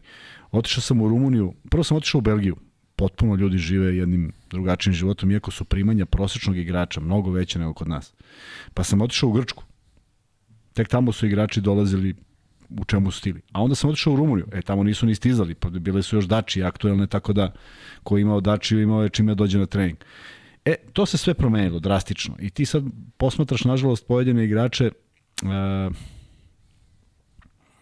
neki ulože mnogo u spoljašnost, da kupe dobar auto ili da se nekako, da nekako pokaže, jer bože moj, kako ćeš ti da se voziš sad u nekom autu koji nije to, tebe teraju na neki način, jer ako ti se 10 igrača pojavi u skupom autu i ti moraš da kupiš skup, što mi nekako nikad nije ovaj, prijalo i mislim, baš ne zavidim ovim generacijama, jer je mnogo toga šminke i mnogo toga je besmisleno trošenje novca koji, ovo moram da im kažem, pa ko sluša, jednog dana nestane. Ko, ko god da su zaradili. Jednog dana se probudiš i kažeš završio sam karijeru i uzmeš svoj bankovni račun i kažeš uha haj, ima ovoliko para. Kažeš nema problema. Ali si naviko da trošiš prosečno tvoja porodica 5000 evra. I potrošiš naravno 3 meseca 5000 bez priliva i jednog jedinog evra. I već ti, već ti nije dobro. A nego da, kako prolazi vreme, tako sve manje para ima. Prema tome, moj savjet je da malo sačuvaju novac, da sačuvaju razum i da ne bacaju pare da bi nekoga zadivili i da bi na nešto potrošili, jer e, e, nedostaju ti neki savjetnici, dobronamerni neki ljudi koji mogu da ti uskrenu pažnju šta treba, šta ne treba, šta se negde ne radi i šta nije mnogo bitno da bi bio dobar košarkaš, a kažem, mnogo toga je u skladu s ovim medija deom, pa ti sad moraš da promovišeš nešto, pa sad se tu, znaš, ja razumem, niko neće da bude tu neki uh, koji ne zadovoljava taj neki imidž, a u stvari je potpuni besmisao. I to je to potrošačko društvo, teraju te da kupiš nešto što ti uopšte ne treba. Ali ništa ti se nije promenilo u odnosu prema igri, ajde, tebi znam da nije, ali recimo u budućnosti gde se navodno priča da su ugovori ne, veći, ne, jesi ne, osetio da recimo ne. neko kad potpiše ugovor, toga ima u NBA ligi, potpiše ugovor na četiri godine, taj drugi ugovor ne, koji im obezbeđuje sve. Tvrdim odgovorno da je to bilo, dakle, naši treninzi Ne zato što je bilo da smo i nešto bili bolji, pametniji, lepši ili bilo šta. Naši treninzi, apsolutno mogu da tvrdim, i u budućnosti u svim klubovima koji sam igrao neverovatna želja, neverovatna želja da na utakmici pokažeš najviše, neverovatna želja da pobediš bilo koga i to nikad nisam osetio. I uopšte ne bi, ja se ne bi osjećao prijatno da sam imao saigrače koji to otaljavaju. I, ja, i, I to možeš da prepoznaš samo po jednoj stvari. Samo svratiš film posle poraza koji te zaboli uđeš u slačionicu i ti vidiš 12 ozbiljno povređenih ljudi Dakle, ne mogu da ti objasnim neke momente kad prosto ne možeš da funkcioniš. E, to se vidi. I ja sam želeo da to vidim kod svojih, i ja ne mogu da tvrdim kod svih ostalih mojih 11, ali kod velike većine da. I onda ti to da neku novu snagu, jer znaš da isto žele da isprave da sledeću utakmicu pobediš. E, ne znam, ja nisam nikada zarađivao mnogo od košike na koleđu, ne smiju da se dobijaju pare, mada ima nekih načina kako se i, i tamo dobija novac, recimo, primjer radi kada odete kada je Christmas eh, break i sada vi ostanete tamo, ja nisam dolazio za Beograd ili bilo premalo vremena i onda vam oni ostave novac e, da možete da jedete zato što lokalna na kampusu kafeterija, odnosno menza ne radi. I onda vam ostave malo više novca nego što recimo može po da ima tih nekih fondova. E, koji se ne, ne zlupotrebljavaju previše, ali u suštini ne brinete apsolutno ni u čemu. Dobijate stipendiju i, i ministe. E, sećam se da sam isti odnos tako imao i na koleđu, kao što za ovu rekreativnu ligu, da sam čak u Švedskoj kada sam bio, isto nije smelo da se uzima nikakvih, nije trebalo da se uzima novac da bi mogao da idem posle toga u Ameriku. Doduše, ja tada sam i bio i klinac i uopšte nisam imao kvalitet za tog šampiona Švedske, pa je bilo pitanje da li ću igrati tamo ili ću igrati u nekom timu U20 ili još ne, ne znam u kom timu, juniorskom, I sećam se da sam bio u fazonu, aha, ovaj i ovaj tim, pa to su dve utakmice nedeljno, super. Znači, igraću više, bit će, da, da, da, pa znači, samo da igram. Samo da igraš, pa da. I ovaj, ne znam, volao bih da vidim sebe da je legao neki ugovor, neki ozbiljni, da bi me to promenilo, mislim da ne bi. Ali kažem, mislim da to nedostaje današnjim igračima, potpuno da me neko ne shvati pogrešno. Ali uh, FNP uh, ti se sećaš, opet dajem primjer koji ti znaš, na ovom našem sport klub Zezanci. Mi smo se kačili na terenu, pa se pokrećeš u slačionici, pa se i pobijemo protiv protivnika. Nekako mi nedostaje ta energija. Ne možeš 6 minuta da budeš bez poena. Ni u jednoj varijanti. Možda imaš jednog igrača koji će da, da o, i smisli koš, ako ne iz prvog napada, iz drugog napada. I onda kažem ti nekako, kao da im nisu objasnili, e, momci, igrate za tim koji je svojevremeno igrao u mnogo boljoj ligi, finale, i vreme da se vrati na mapu Evrope i nema tu priče. Znači, kažem ti da... Teško, da, da... teško ćeš doći do toga zato što su, kažem, drugačija vremena i, i nekako, nekako izgubio se taj neki osjećaj. Ne želim da pričam koja su bolja, koja su lošija. U krajnjem slučaju svako se snalazi u tom vremenu u kojem živi, ali ponavljam, e, razgovori i, i, i, i ta čutnja ta ćutnja posle poraza, kad odeš i sedneš sa svojim saigračima u prvi kafić i ćutiš 40 minuta, govori da, da si pogođen. I svi vrtimo film i svi vrtimo gde su naše greške. Ne vrtiš grešku gde ovaj pogrešio, pošto je to uvek lako nego pokušaš da vratiš ili onaj, onaj osjećaj u autobusu kad se vratiš kao pokisao gde se borio i protiv protivnika, kad kad i protiv sudija, a Beočin jeste imao taj problem da se borio i protiv sudija, pošto prosto što bi neko navio ili nam pomogao u bilo čemu. Tako da, bolelo je i iz toga smo bivali bolji. I mislim da je to jedna od najvažnijih stvari da da doživljavaš to na taj način. Mm, jedan od mojih saigrača je otputovao za, otišao za Španiju da igra i nismo bili u nešto preterano bliski. Međutim, zvao me, ja sam tad igrao, ne znam gde, ja mislim u Belgiji. Možda sam još bio u budućnosti, nije ni važno. I čovek mi se požali i kaže, jel ti veruje da smo mi izgubili utakmicu? Ja ulazim pod tuš potpuno razvaljen, a ova dvojica se smeju i pričaju da idu večeras i vrati se sutra do šest će biti na polju. Znaš, kako bi rekao, to je divno što postoji. Nemam ništa protiv, ali mi nismo bili tako koncipirani, jednostavno nisi razgovarao ni sa kim tri dana ako treba ovaj, i nisi izlazio iz kuće i jednostavno bilo ti loše. Možda smo mi preterivali. A možda je zato bilo ja, rezultata. Mislim da je takav osjećaj. Možda je zato ja, bilo rezultata, znaš. Ja i ti čeki u podcastu imamo neku emociju, sećaš da, se kada da, izgubimo, da, da, dakle nekako da, nas da. zaboli da. poraz ovog ili poraz onog ili kada da. se desi nešto. Možda je ovo bolje, možda ovo drugo je bolje. Možda vrlo, smo mi u problemu, znaš. Vrlo moguće da je bolje. E, ima dosta pitanja, ali mogli bi da bacimo prvi free bet. E, Šta ajde, molim te, potrudio mi se moj Facebook prijatelj Lazar Grbić. Dobro. I poslao sijaset pitanja. Sijaset, naučite, Opa. možda će neko naučiti novu reč. Sijaset, dve reči. Da, si and set. Šta kažeš? Ček samo da nađem. Hoćeš da ispucamo free bet dok ti Da, free bet, pa free bet, free bet. Poslao mi pitanje za free bet. A, poslao je pitanje da, za da, free bet. Da, vrlo su interesantno, pa zato hoću da ih pročitam makar jedno. Ajde, bar jedno. Ja sam Ajde, spremio, inače šta bar jedno, neviđeno. Šta Lazaru Grbiću, mom drugu Ali, sa Facebooka, ti baš Lazar Grbić ili Vuk Grbić? Lazar Grbić. Koliko Grbića ima? Koliko hoćeš. Kaže A. ovako. Je li to sad zvanično pitanje za free bet? Jeste. Dakle, prvi free bet čita Kuzma. Ajmo ovako. A dobro su pitanje, verujem. Ako je petorka Vidačić, Peković, Zečević, Đogo i Savić, koji je tim u pitanju? Mora da je Juba ligati. Ajde još jedno. Ako je petorka Vidačić, Peković, Zečević, Đogo i Savić, koji tim je u pitanju? Čuli ste pitanje za prvi free bet, vi koji volite... I nemoj da, prevrćete očima tamo. Vi koji ne volite, evo pada, pada ovaj... A, ostalo je četiri, ma, četiri još gleda. Ja ti Ivančik i još jedan. E, čekaj, stavim live chat. Šta piše, top chat ili live chat? Šta treba stavim? Live. Live chat. Evo ga Vanček, Vanček, Vanček spreman da priča o frizuri eh, Jimmy Baltara, pričali su te za to. Pitali su Ajmo da vidimo šta kažu ljudi. Budućnost, nije. Nije. Mali, nije. Oliver Kahn, nije. Kuzma, misliš posle Pleadu pitanje. Budućnost Crna zvezda, budućnost Hemija, budućnost, budućnost Partizan, Beočin, Hemofarm. Hemofarm, ko je odgovorio? Radivoje Radivojević, ako je to pravo ime. Radivoje legendo. E, pošalji Radivoje na e, Luka i Kuzma Instagram nalog, pošalji svoj MaxBet nalog, odnosno ID i dobit ćeš, e, dobit ćeš 1000 dinara free beta. E, jesu i sva ostala pitanja iz Juba Lige, a? Nisu. Jok nisu. Ove, Jedno iz Letonske ligi. Či, kaže, ili Majsaja kaže, ili Mesija kaže, Chicago Bulls 1966. e, Kuzma, da pređemo na pitanje, ima ih mnogo.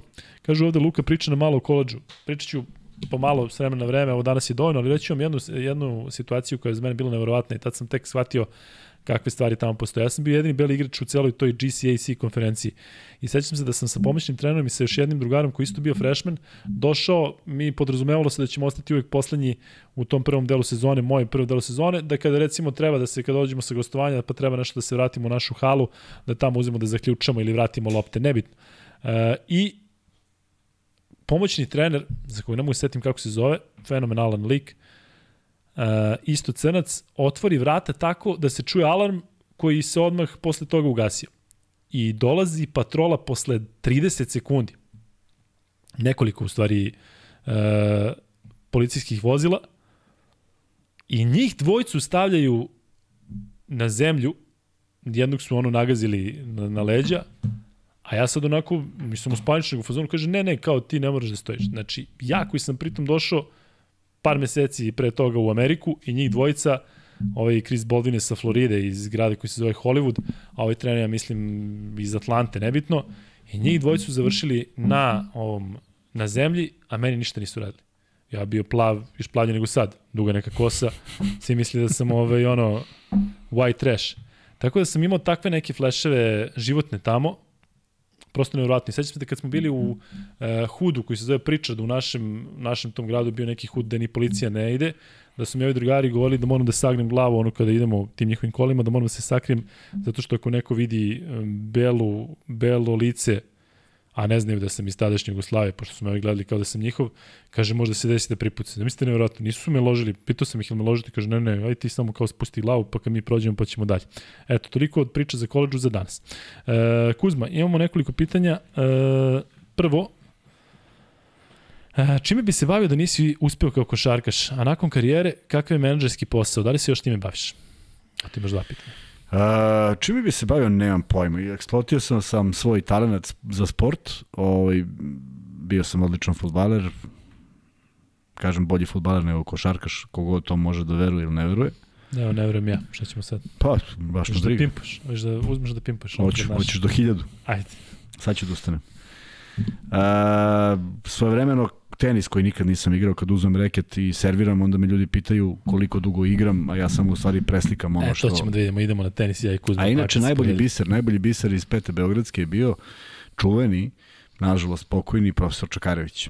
I u Petoj Beogradskoj je bio, znao se ritam, dolaziš u školu, savladaš za sedam dana koja ti je učionica i počinje u prvenstvo koja traju apsolutno od prve, to jest od druge do poslednje nedelje škole.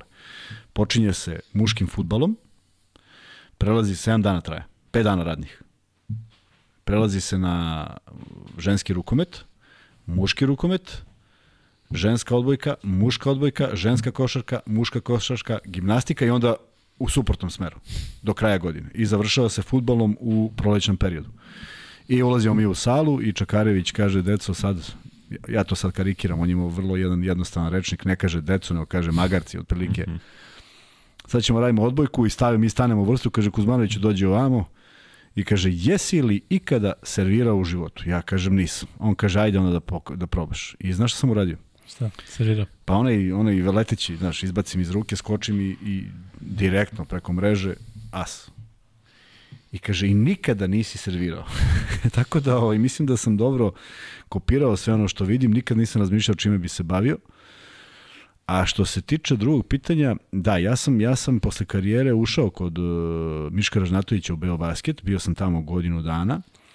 Posle toga pokušao da napravim jednu, jednu ajde da kažem za nijansu drugačiju svoju priču sa uh, mojim kapitenom iz Belgije, Davidom Dezijem, koji je bio licencirani menadžer. I tu smo napravili taj odnos. Imali smo Miloša Matijaševića iz Slovenije koji radi ugovore, ja sam bio taj neko koji je mogao dođe u kontakt sa bilo kim, a David je faktički bio čovek koji je imao licencu. I to je bila naša firma i ja nikad sebe nisam video u tome dok smo bili zajedno. Funkcionisali smo kada se sve to raspalo. Nisam sebe video kao nekoga ko bi se profilisao kao menadžer i vrlo brzo, ne vrlo brzo, jedno vreme smo pravili prilično dobre rezultate, ali jednostavno nisam imao stomak za to. A kako si došao do Hustona? Do Houstona sam došao dok sam radio kod Miška. Njima, njima je trebao čovjek, da, njima je trebao čovjek, došli su u Beograd, Miško preporučio. Kako ti izgledalo to? E, to je bilo fenomenalno. recimo, to je da skautiraš mlade igrače ovde? Da, odlazio sam na sve utakmice koje su bile ovde. I Luka... bio si regionalni? Ne. Samo Gian... Srbija? Da, samo Srbija i Crna Gora. Da, Gian Luka Paskućijan, divan tip koji je posle, sad je on u Brooklyn Netsima. GM, on je tada bio scout, glavni scout za Houston i mnogo lepo iskustvo u smislu druženja, nekih uh, saveta. Si u kontaktu s njim da Neša uh, dobijemo za sledeći podcast? Ne. Uh, ja, ja jesam u kontaktu s njim, mislim da možemo da, da razgovaramo, da. Ja sam u kontaktu, uvijek mi izlazi u susret i malo, malo pa se negde, ono, samo napišemo jesi dobro, kako si, divan, divan, zaista, ovaj, i mnogo mi je pomogao u tim nekim izveštajima. I na ono na što sam ja ponosan, to je te izveštaje koje sam slao su zaista bili, uh, ja mislim da su bili dovoljno dobri. nikad se niko nije požalio na moje izveštaje, a mislim da su bili pravi u smislu da nikad nisam pogrešio. A kako šalješ izveštaj? Šalješ izveštaj u nekom igraču? Da, da, odem pogledam i sad, na primjer, ima tu dva ili tri interesantne igrača i ti odgledaš celu utakmicu, zabeležim, zabeležim sve što me zanima. Imao sam na, uh, model kako e, pa upisujem, pa šta upisujem, da. Nekako ocenjivanje, neko ili Tako šta? je. I ono što je u stvari bilo uh, počelo da biva sve dostupnije, to je način da ti može posmataš svaku utakmicu u nekom momentu. Taj Synergy je radio svoj posao. Međutim, njima je mnogo bitnije bilo šta je to što vidiš na samom terenu, znaš, da li je to prevrtanje očima, da li je to malodušnost, da li je to agresivnost, da li je to energija, da li je to nedostatak samopouzdanja. To su bile u stvari stvari koje, koje njih interesuje, jer igrački, kako bi ti rekao, pošalju ti samo isečeš na Synergy i vidiš njegove prednosti i mane tehničke, a ovde vidiš neke stvari i bila je jedna fantastična anegdota, ali ajde ne otkrijem za koga smo išli da gledamo, ali smo, Đan Luka je želeo da sleti da pogleda jednog igrača. Čabe, ako nećeš da kažeš u kome reč? Pa nije, glupo je. Zašto je, da ču, ču, čuće zbog čega? Zato što je gost naš bio, jel? Nije, nije, nije bio gost, nego naš, nije u redu. I sada, kasnije je let, ja sam ga čekao na aerodromu i morali smo hitno za Novi Sad, u Novom Sadu se igrala utakmica. I ja sam pokušao da ga odgovorim od puta i da mu kažem da stvarno nema potrebe da dolazi, ne, ne, ja moram da vidim, dobio sam sugestije, sve to. I mi smo došli na utakmicu na kojoj smo se zadržali pa nekih 12-13 minuta. On je pokupio svoje papire i rekao, ovo nikad nisam uradio i žao mi je što te nisam poslušao, vratili smo se u Beograd na večeru i nismo odgledali utakmicu do kraja. Zato što se ovaj nije pokazao? Zato što nije morao zaista da bude gledan. Mislim, treba da, mi, treba da mi veruje, ali pošto je već sve bilo uzeta karta i sve to. Tako da, ovaj, kažem ti, i tu sam čak ono, dobiješ poen na neki način i za to dolazili Sad su... Sad kopka koji je igrač, ali ja za razliku su, od vas ću saznati posle podcasta posle, da. Uh, kako se I reći ću, vam, reći ću vam u sledećem podcastu. Mislim da je Sam Hinky bio šef operacija, da je ovaj Dan Ma Morley, Majerli. Što je sad, ne, ne, ne Dan Majerli, nego ovaj Morley što je, u, ja mislim da je u Brooklynu, predsednik Brooklyna. De, tako je, Daryl Morey. On je bio prilično ti, da, da. Znači, oni su dolazili i stvarno... Daryl Morey. stvarno jedno fino ovaj, druženje i jedno dobro iskustvo. Nažalost, Gian Luka se pomera sa te funkcije ja mislim da je on vrlo brzo prešao, on, ne znam koliko znaš, on je bio GM uh, Armanija, te... Armanija, Armanija. Eto viš. Italijanskog, da. A onda se vratio u Brooklyn. Pa jedna sezona. E, i on kad je otišao, dolazi Karnišovas.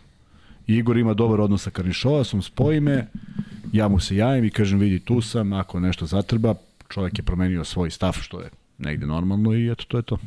E, naš drugar i kolega i prvi čovjek ovog studija, Srki Erceg, nas podsjeća da treba da lajkujete. Zato Kuzma zove ljudi da lajkuju. Zato vas pozivamo da, ovaj, osim što nas pratite i što se subscribe-ujete i sve to, Ima to neki udarite neki da. like, jer svaki dan nešto novo dobijamo od tog YouTube-a i verujte, ovaj, to će omogućiti da radimo mnogo više stvari od ovih koje su sada, zato što postoji u planu da pravimo neke, neke drugačije e, vidove emisija, nešto o čemu smo pričali i što ćemo razraditi u toku sledeće godine, ali za to su naravno uvijek potrebne financije. I potrebni pa, su lajkovi. Da? I lajkovi, tako je. E, dobro, kako bi se Cirbes pokazao u Juba Ligi? Molim te kratko, ovo je šaljevo pitanje. Ne bi igrao uopšte. u ovoj formi, u ovoj formi ne bi da. igrao. Pitanje za Kuzmo, šta misli o tome što u novom upravnom odboru KKCZ nema ni jednog bivšeg igrača i legende, već samo neki biznismeni, po biznismeni po znacima navoda? Pa znaš šta, upravni odbor, to su ljudi koji određuju novac, je li tako? Da. Mislim... Pa zar nemaju bivši igrači novac? Pa ne znam. Jel žele da ga daju? Firme. Ne znam, ne znam, ne znam zaista. Hoću da kažem da su to ljudi koji treba da budu menadžeri, treba da upravljaju. I ako se taj novac dobro plasira, tu zaista ne treba. Ali na drugim funkcijama mogu da budu, da imaju neku težinu i uh, ja sam bio malo je reći da sam bio onako uh, ushićen kada je 97. nama team menadžer bio Praja. Na, ja znam da po, pojedinim našim gledalcima praje ne znači ništa, ali prosto sedeti pored praje. Jeste, znaju ovde sve ove iz Unikaki. Ja kažem pojedinim, pa mi nemamo ni statistiku da imamo gledalce do 18 godina. Moramo da, imamo, udarimo, moramo da imamo jednog. Hoćeš da udarimo e, pol, da li znate šta vam znači praje? Pa hoću kažem, ne, ne ono kao ko je bio Dalipagić, nego sediš protiv, pored žive legende i pričaš s njim. Mislim. Ali izvini Kuzma, nemoguće je videti prajne utakmice. Ne, ne znam na YouTubeu koliko toga ima. Ima, malo, ima malo kada je 40 onih šest iz svih pozicija i na različite to. načine. Ali zamisli ti taj moment koji je to osjećaj kad mi igramo protiv tog meša iz Verone i prva utakmica je kod njih, dupke puna hala i odjednom šizofrenija, kako, kako, znaš, nikad nisi video. Ušao praja. Ovi naši iz uprave ne znaju što ovi skandiraju. Da. A praja zbunjen i dobija plaketu u neku bakarnu, ako se ja dobro sećam. Ti znaš da je Praja kad je štirao savio noge nekada. Ne znam da li znaš, par slika ima sa da, savijenim potpuno da. nogama. E, takva mu je, takvu su mu uradili ovaj, bakarnu i mislim da se čak i zaplako. Mi smo se osjećali, znaš kako se osjećaš kad, kad u svom timu imaš takvog čoveka. Prema tome, E, tome služe ti ljudi i meni je žao što, što, što Zvezda ne okupi te, jer mislim da ima šta da okupi. Znači samo cheesebaker ovde, a? Znaš šta je to, ne znaš? Ne? Cheesebaker, pa verovatno naši sugrađani koji ga skupljaju. E, da, ima jedan klip. Nema nikakvih dimenzija, samo cheesebaker. E, komentar na to da je Partizan najmlađi tim u Euroligi. Lepo. Mm, to je dobra stvar, tako. Mlad to je dobra stvar, ali ako imaš Koprivicu koji je dečko koji obećava tako. u svakom smislu, Vukčević, nema ih baš Smajlagić. mnogo. Tristan, ne, oni su čak još mnogo mlađi. U stvari nisu, da, Smajlagić je isto 2000. godište, tako je. Prema tome, to je sve divno i naravno treba da napreduju i da iskoriste. Dobio se jedno pitanje ovde, kako komentarišem što je Panter bio kapiten? Pa neko je morao da bude kapitan, ne verujem da je zamišljeno da bude Panter, naročito zbog toga što... ima srpski pasaž? Ima. Ima, pa da ima. On ima, ali mislim da, mislim da je morao neko da bude kapitan. Či mislim Srbi da, kapitan, što Tako je. Mislim da će biti Avramović kad se vrati, a prosto neko u tom trenutku mora da bude... A možda i nije, vidjet ćemo. Piše Sava Avramović van trena dva meseca. Mjeseca, što bi rekao pa, Sava. Pa jeste, da. Šteta, baš negde, šteta. Negde je pisalo mesec, ja bih želeo da bude što kraće. E, šta mislite o tome što je Kuzmić ostao u Zvezdi ili se čini kao višak? Bila je ta priča da je on otišao u FNP i mislim da je on falio recimo u ovom meču Fibu Ligi šampiona samo prisustvom. Sigurno, Kad ti imaš da. jednog onakvog igrača, ne mora, on naravno pokriva teren fantastično i drži kore, košaku u malom prstu, posebno za taj nivo, ali prisustvom da ti imaš Kuzmića, da se radi scouting report i da ti imaš jednog takvog igrača, mislim da bi da bi mnogo značilo FNP-u, ali dobro, to su sad već priče šta bi bilo kad bi bilo. E, pitaju ovde da li Vanja ima ugovor Marinković sa Baskonim i dalje. Ja mislim da ima, ali uh, ajde da, da, da je bilo neke priče da se možda neće produžiti, ja koliko znam Vanja tam. Tako da, da je to to. Pitaju da li mislite da bi Kamenjaš mogao da pređe u neki evroligaški klub Čekaj, ako budimo istu kvalitetnu sezonu kao prošlo? Pa oni koliko znamo budućnosti. Da. Pa da, li nije u evroligaškom klubu. Pa dobro, o tom potom, e, da bi mogao. Pa ne znam da li bi mogao da ima neku da ozbiljnu ulogu, ali, ali, ali bilo bi lepo videti ga da se snalazi u nekom timu. Uh, pitaju ovde mene za Jalen Adamsa, ja stvarno mislim da tom močniku treba dati šansu, ne neku sada da tri meseca zvezda pati zbog njegovih loših igara, ali ono što sam ja gledao i prenosio u Australiji je zaista bilo dobro, posebno u nekim klač momentima. E, koji vam je stranac ostavio najbolje, koji najgori utisak na pripremnim mečima Crvene zvezde? Vidim da se svi slažete da je Adams najgori, a Kuzma koji je najbolji od stranaca? O, Martin, Bent ili ostali? Da, uh, od stranaca ko se najbolje? Holland, da. Naj, najgore je prošao Adams. A ko je najbolje? Pa znaš šta, Bentel je bio prilično ovaj, e, dobar u onome što sam gledao. Ono što, što nisam gledao sam pratio i video sam neke procente, sad, znaš, to može i da vara, ali obično taj šut za tri pojena da on dobro širi i pogađa, to, to najteže vara. Međutim, da li je to ono što se od Bentila traži, da li je to samo šut za tri, jer, kažem, nisam gledao utakmicu i mogu da znam kako popunjava reket i šta radi u napadu van šuta za tri. Da li dovođenjem Jovića Zvezda dobija više od Martina nego što je prikazano na pripremama? Nisu pripreme neko merilo, pričali smo o tome dosta, ali Jovićem, pravim Jovićem, svi timovi, u, u, odnosno svi igrači u Zvezdi dobiju.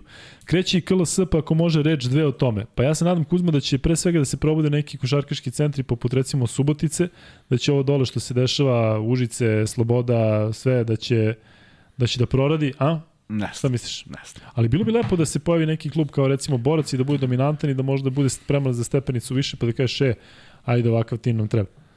Ne znam, pričali smo sa svim gostima, pričamo o tome i to je mnogo teško, mnogo, mnogo dugo traje. E, Truna je, Truna je dao jedan, jedno pitanje, a pojavio se jedan lep ovaj, tekst u Koš magazinu Vladan Glavinić, ono što je Truna iz, ispomenuo. E, da li postoji entuzijazam i da li su ljudi posvećeni toliko radu? Da li stvarno neko želi da napravi igrače? Da li Govoriš o manjim sredinama? Govorim o manjim sredinama i trenerima u tim manjim sredinama. Znači ja ih ne, ne delim na dobre trenere koji žive u gradovima, a u manjim sredinama žive loši treneri. Daleko od toga. A koliko je tu bitan taj finansijski moment, E, zato što on e, ne može da živi od e, toga, pa mora da radi još nešto. E sad, jedan moj, sago, e sad jedan moj saradnik je negde, ne znam koga je citirao, ali poenta je u sledećem. Nekada se živelo za košarku, sad se živi od košarke. I to je fundamentalna razlika u celom sistemu. I ja ne kažem da neko može da volontira, ali naši, paradoks je što su naši treneri volontirali.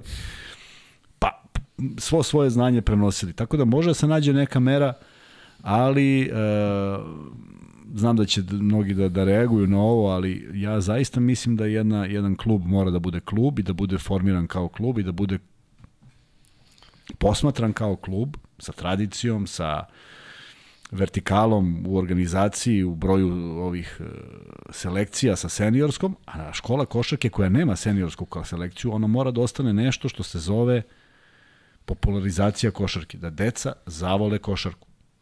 I onda ti kad pogledaš utakmicu škole košarke i kluba, ne ide. Ne ide, jer jednom ili drugom ne valja. Ili jednom, ne može svima da valja to.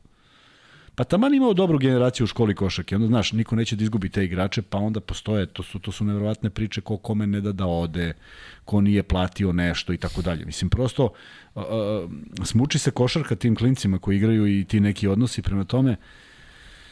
Veliki problem i veliko, nemam, nemam odgovor na pitanje šta bi se dešavalo, ali e, volim što Lončar hoće nešto da uradi u Kragujevcu, volim što Jaramazović hoće to da uradi u Subotici, to su za mene zaista fantastični. Vezani su ti momci, Jesu, neki su pa momci, jesu. vidim da i Jović je ovde pričao o Pa Nišu, jesu, vidi se da tako. oni žele, vidi si čak i Štimac koliko priča o nekom svom lokalu sa nekim ushićenjem Tako Karaburma, pa tako vas je, dvojica pričate školi, tako sigurno da ljudi žele.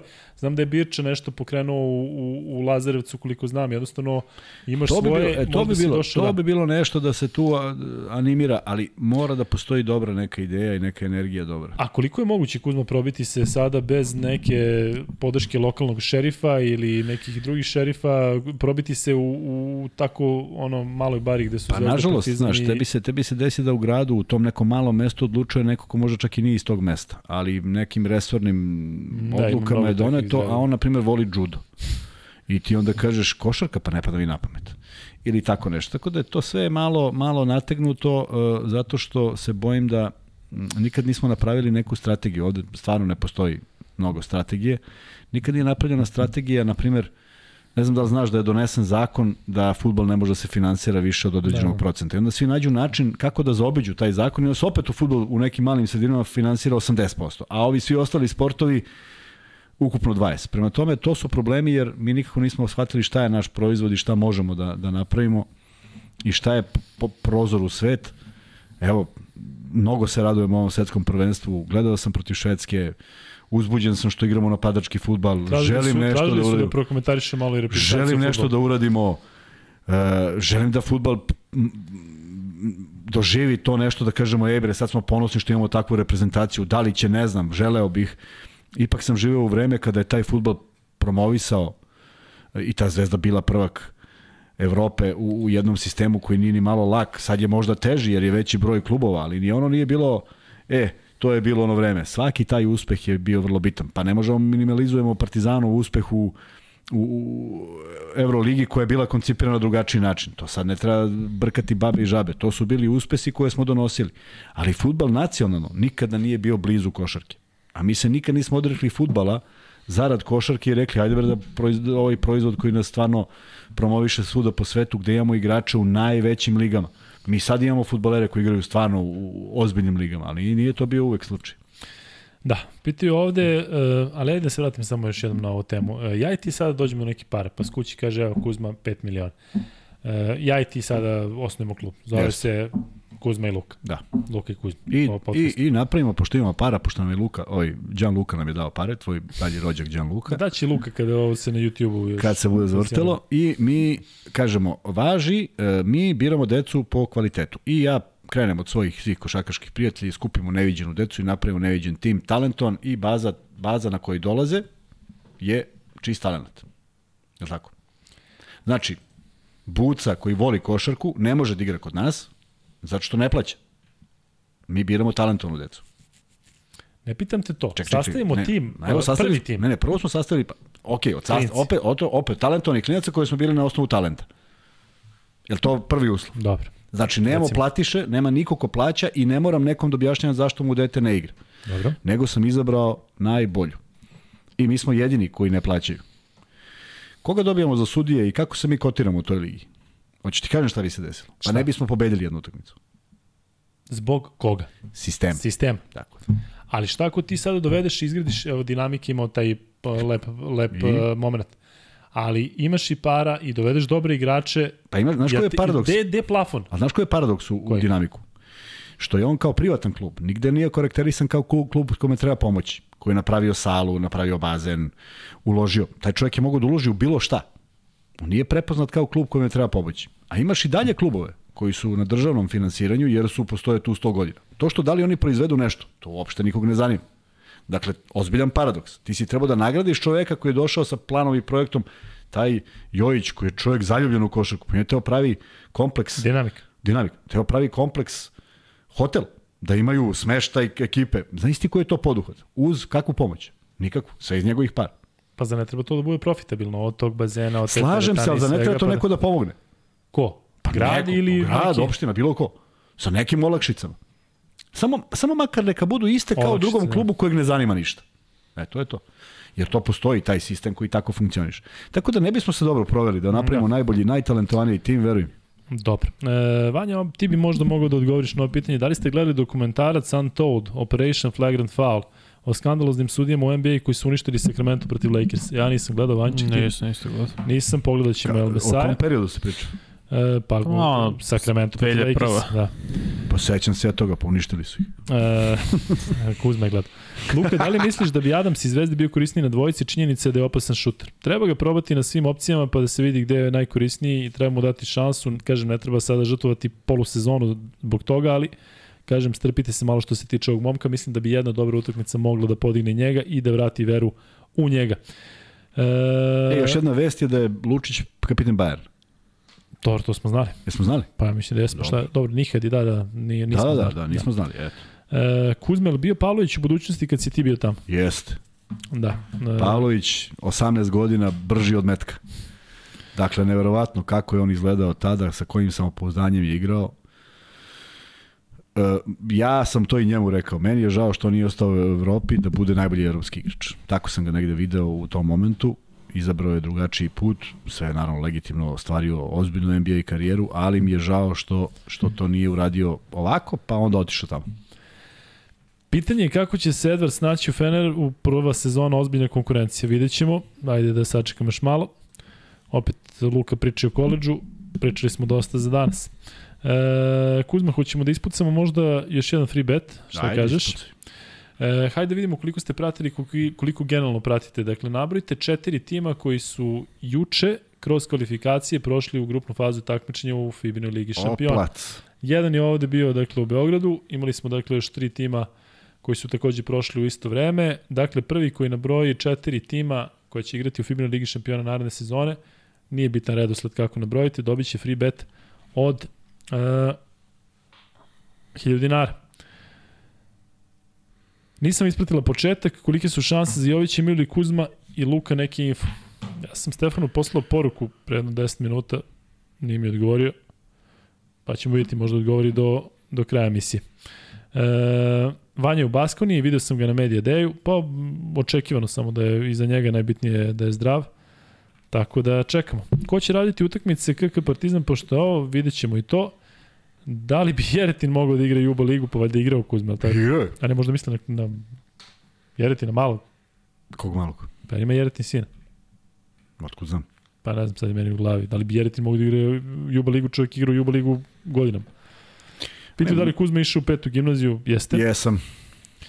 Da, je neki 86. dve, tri 90. rečenice. 86. 90. Njih koja ti je bila profesorka, ona latinski, ona što je pisala... Mascarelli je bila. Mascarelli. Ko, kome nije bila profesorka? Ne znam ni kako se zvala. Da. Zvali Ona smo je pisala one... Pisala u- udžbenike, sve, da. Da. Beš, šta, šta si pričao, gospođa, on neka, ali tako beš? Ne? Ne znam, pričao si da neka gospođa sa rukavicama, ne znam da si pričao o njoj. Nisam to pričao kakve rukavice. Ko zna šta sam mislio. Kako mišljenje imate o Peytonu Sivi? Dobar, ali ne znam da li, Ili u da Albi za? Partizan. Ne, on je prošle godine iz Albe otišao u, u Australiju. Mislim da će biti tamo ove sezone, možda grešim, ispravit ćete. Onda da nije za vidi. Partizan. Da. E, pitaju nas da li ćemo ići na Smederevski vašar, to sam vidio malo pre. ja ne znam, Moguće da je spanje. možda kad bi nam neko rekao kad, šta i kako i zašto, Da, ovaj, ali vrlo rado. moguće da je sad nešto zašto si rekao ićemo bilo gde. Mišljenje o Mariju Nakiću, momak e, definitivno Šta je bilo, da gde je potpisao? Gde smo ga videli, u UK? Da, okej. Okay. Ajde da vidimo. Ja jedva čekam Jedva da ga čekamo, vidim. da. Eto, vidiš, dobro si mi podsjetio, meni dalje on u glavi u Da, Andori, da. pa čitali smo da on je Čitali u, smo da je u i UK, odlično što je u ovom regionu da se Tako je, tu ajde da vidimo na, na pozicionira. licu mesta i da, da gledamo ako treba i uživo.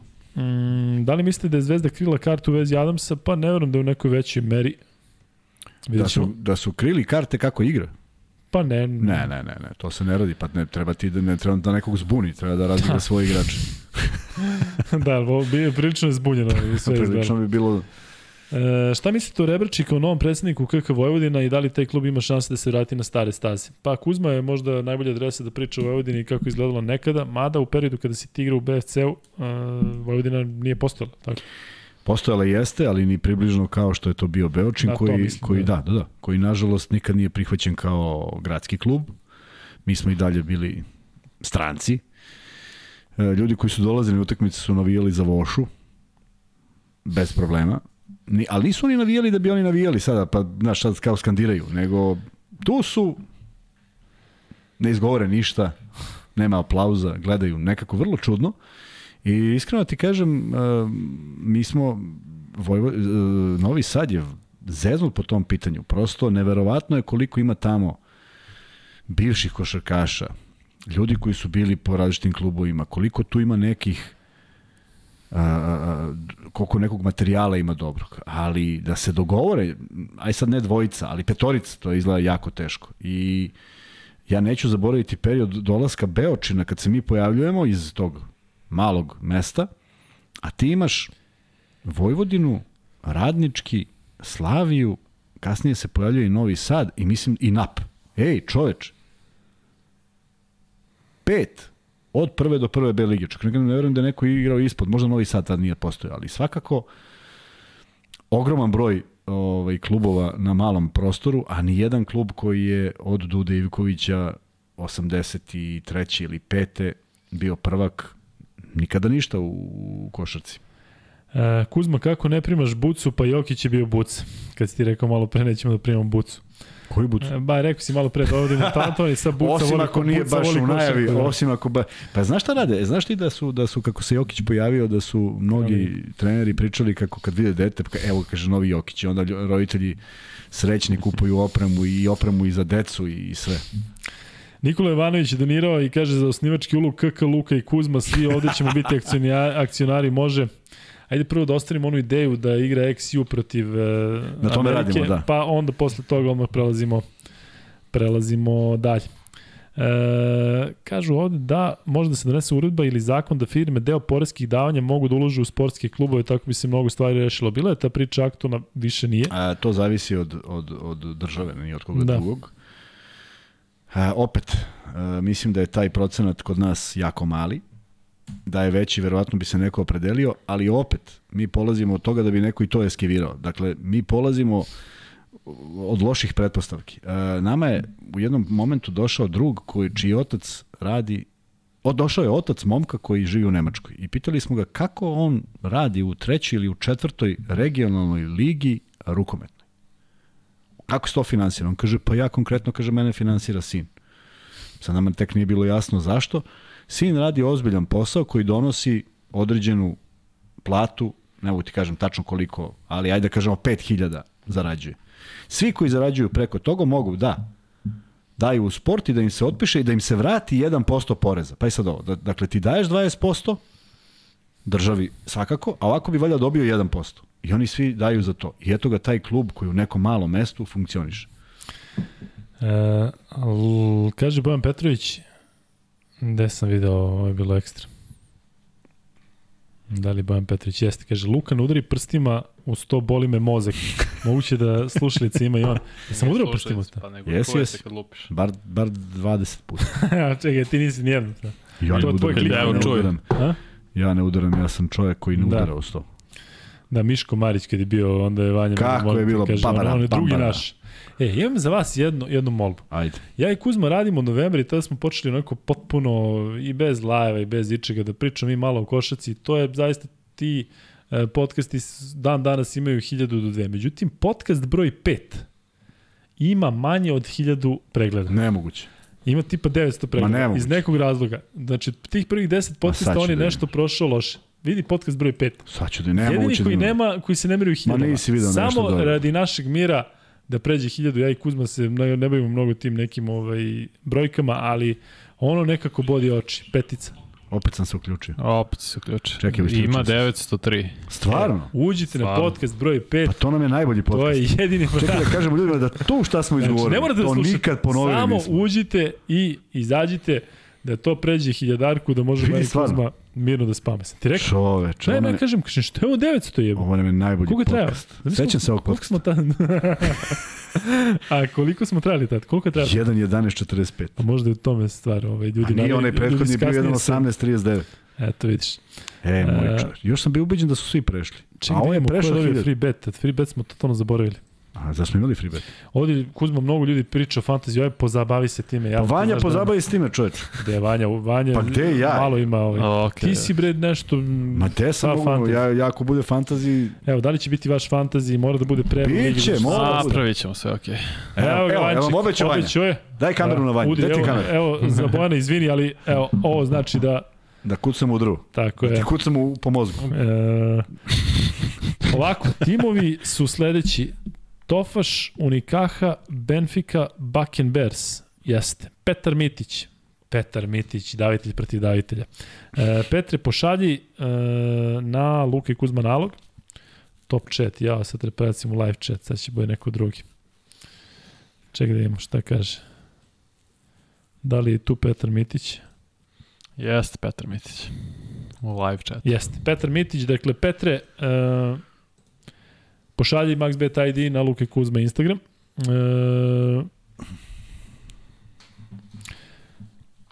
Pozdrav, imam jedan predlog da kada bude Euroliga, tri free beta budu opet eh, humane, humanitarni tiket. Evo, ligaški meči bit će ih po 9 svake nedelje, pa se lepe kvote mogu napraviti sigurno, apsolutno Jovane. E, radit ćemo na tome, dakle, e, to je bilo baš zanimljivo, Kuzma, tako? Jeste, samo smo samo jednom pogodili. A ovde dva puta. E, dva. šta mislite o srpskim igračima koji idu u high school ili college? Pa to su sve, ajde da kažemo onako, e, riskantni putevi.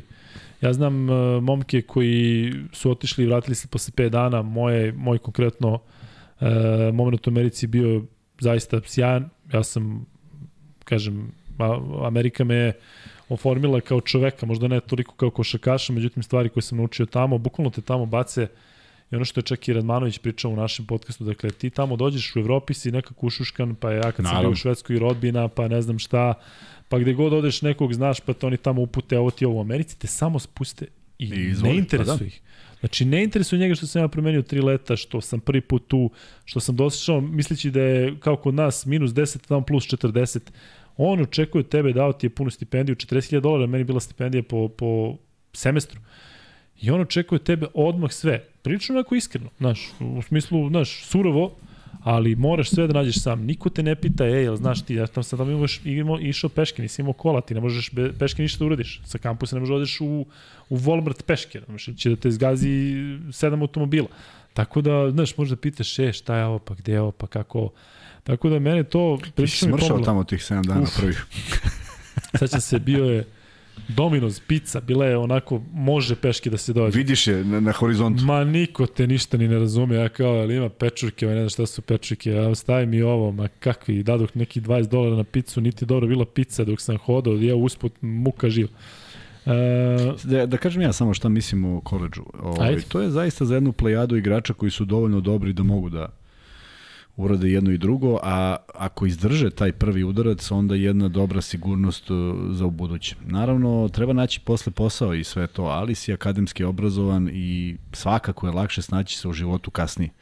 Ono što smo mi napravili kao veliku grešku, čak, čak cela Evropa je napravila kao grešku, uh, do, dobrih 20 godina, možda i više, Nije bilo povratnika, pa čak ni u evropsku košarku povratnika iz, sa koleđa. Si primetio to? Dakle, dolazili jesu američki igrači iz koleđa, ali neko da se vrati u svoju državu i da bude tu dobro pozicioniran košarkaški, to je bilo jako teško. Zato što su stilovi igre bili drugačiji i svakako nije nešto što je bilo povezano. Sada je to unazad mnogo jednostavnije. Vidim da ima mnogo igrača koji se vraćaju, neki uspeju, neki ne uspeju, neki dođu do određenog nivoa, ali e, mislim da je tu ova priča koju si ti dao o, o, o sazrevanju, o stvaranju čoveka mnogo važnija od bilo čega ostalog i ako mogu negde da, da, da ljude koji se dvoume, koji imaju decu koje treniraju košarku pa ne znaju, sad su na raskrsnici šta i kako, to bi bio moj savet. Nažalost, jedina zemlja gde može se ode Amerika, niko drugi nije ustanovio takav sličan sistem i onda nema baš nešto mnogo izmora. Ili Kanada, ne znam da može u Kanadi, pretpostavljam da može.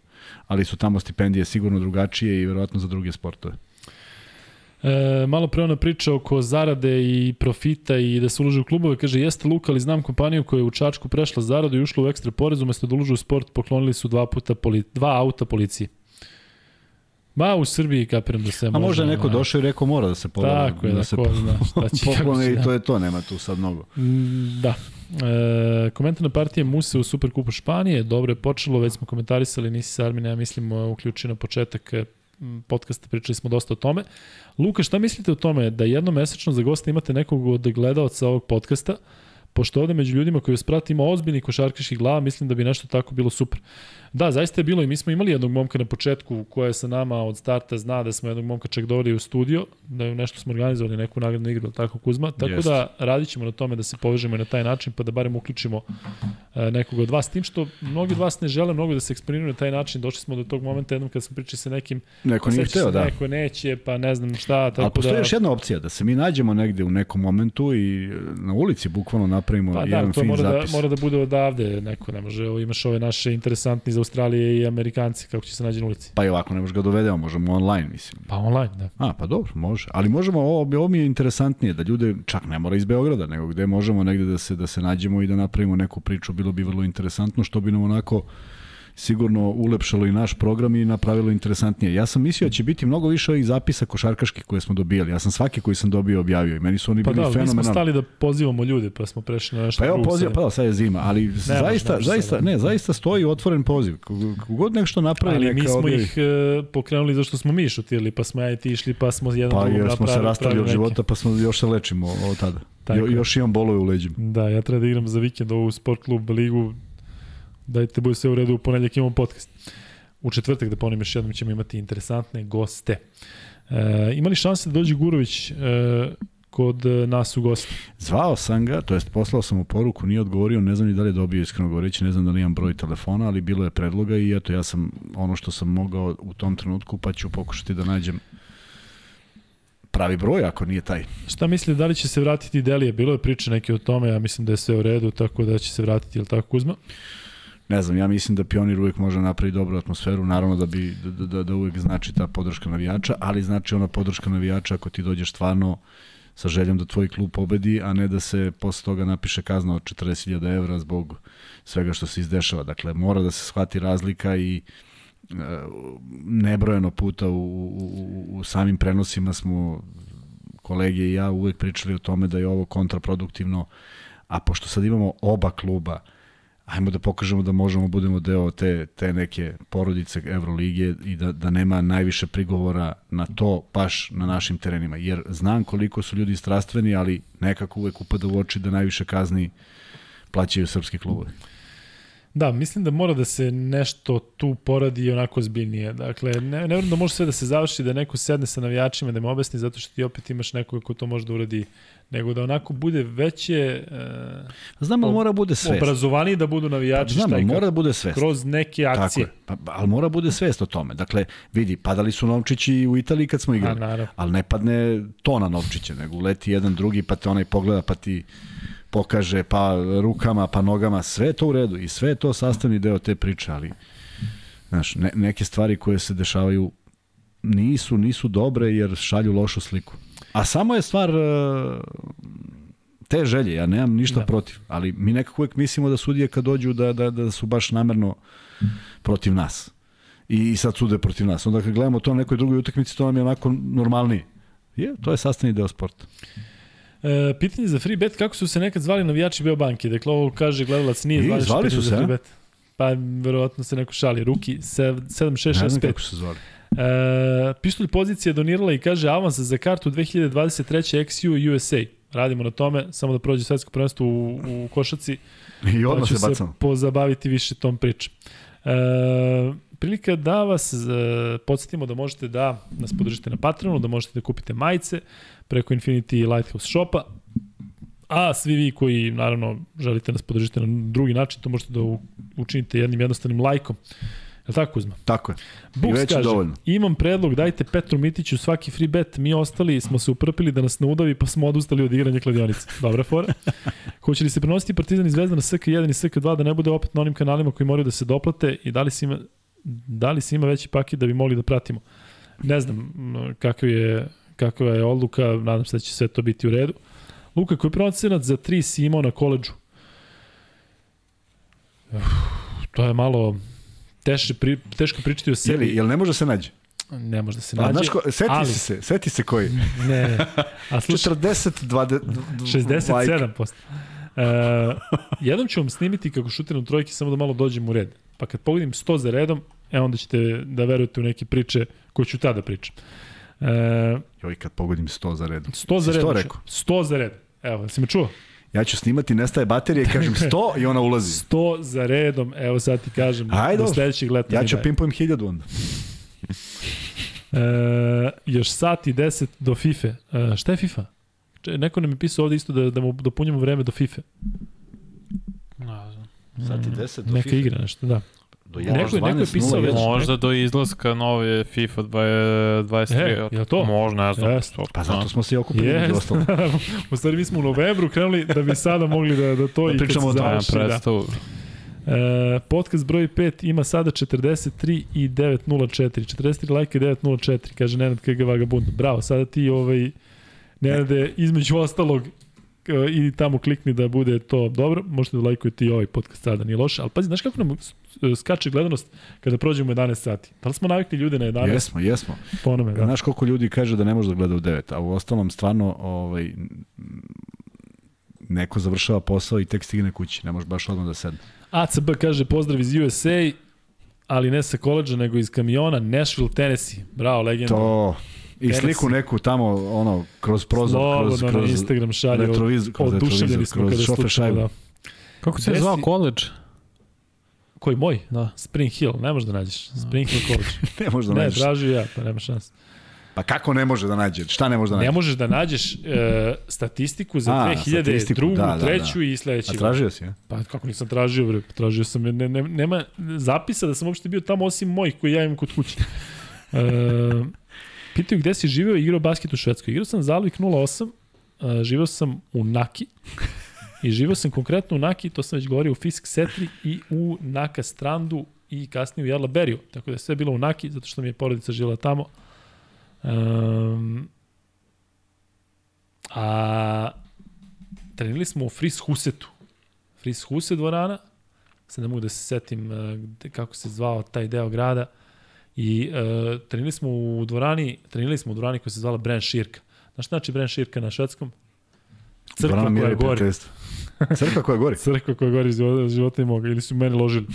Ali Bren Širka bi trebalo da je to to. E, Sad svi googlaju Leksa švedski, kaže- švedski na srpski. da. Ne, danas sam sreo jednog šveđanina. Čekaj, ja ću to Coka da. Cokče. Sad ću ti kažem. Coka Kako si rekao? Crkva Bren koja gori. Širka. Sad ću da nađem. A, Bran Širka. Ma ne mora, piše na srpskom crkva koja Da, gori, da. pa će da izađe. A jeste, sigurno će Gle, reći. gle. Gogle. Gordić u Partizanu, to neko, jesi to negde video? Ne. Da, možda neka fora. Da li se Kuzma sjeća trenutka kada je Predrag Doderović slomio tablu prilikom Da, zakucavanja, zakucavanju. takmičenju za kucavanju? Jeste u Leskovcu, a? Gde se neće Kuzma taj pamti sve. Kuzma svega, je sve, svega, zlopamtilo. svega pred 96. E, ko će prenositi zvezdu u Euroligi? E, vidit ćemo. Mm, ima Pa, dosta opcija. da. Ilija, može se Darko vrati. Lazar, kapiram da će, da će Kako biti... se rekao, crkva koja gori? Da. Ma Bren Širka se zvala Dorana i to. Crkva koja gori. Den Brinade Kirkan. Mm, Bren Širka. to je to, je to. E, Dobro. A kako se, kako se piše na švedskom? Bran, Bran, ali ima onaj umlaut gore. umlatina. Umlaut, onaj dve Bran, tačke. nema Ili dve tako tačke. neki, Dobro. Mekinje, Šir- mekinje, branje, Cirka. mekinje. Bran, Shirka, valjda. hirka.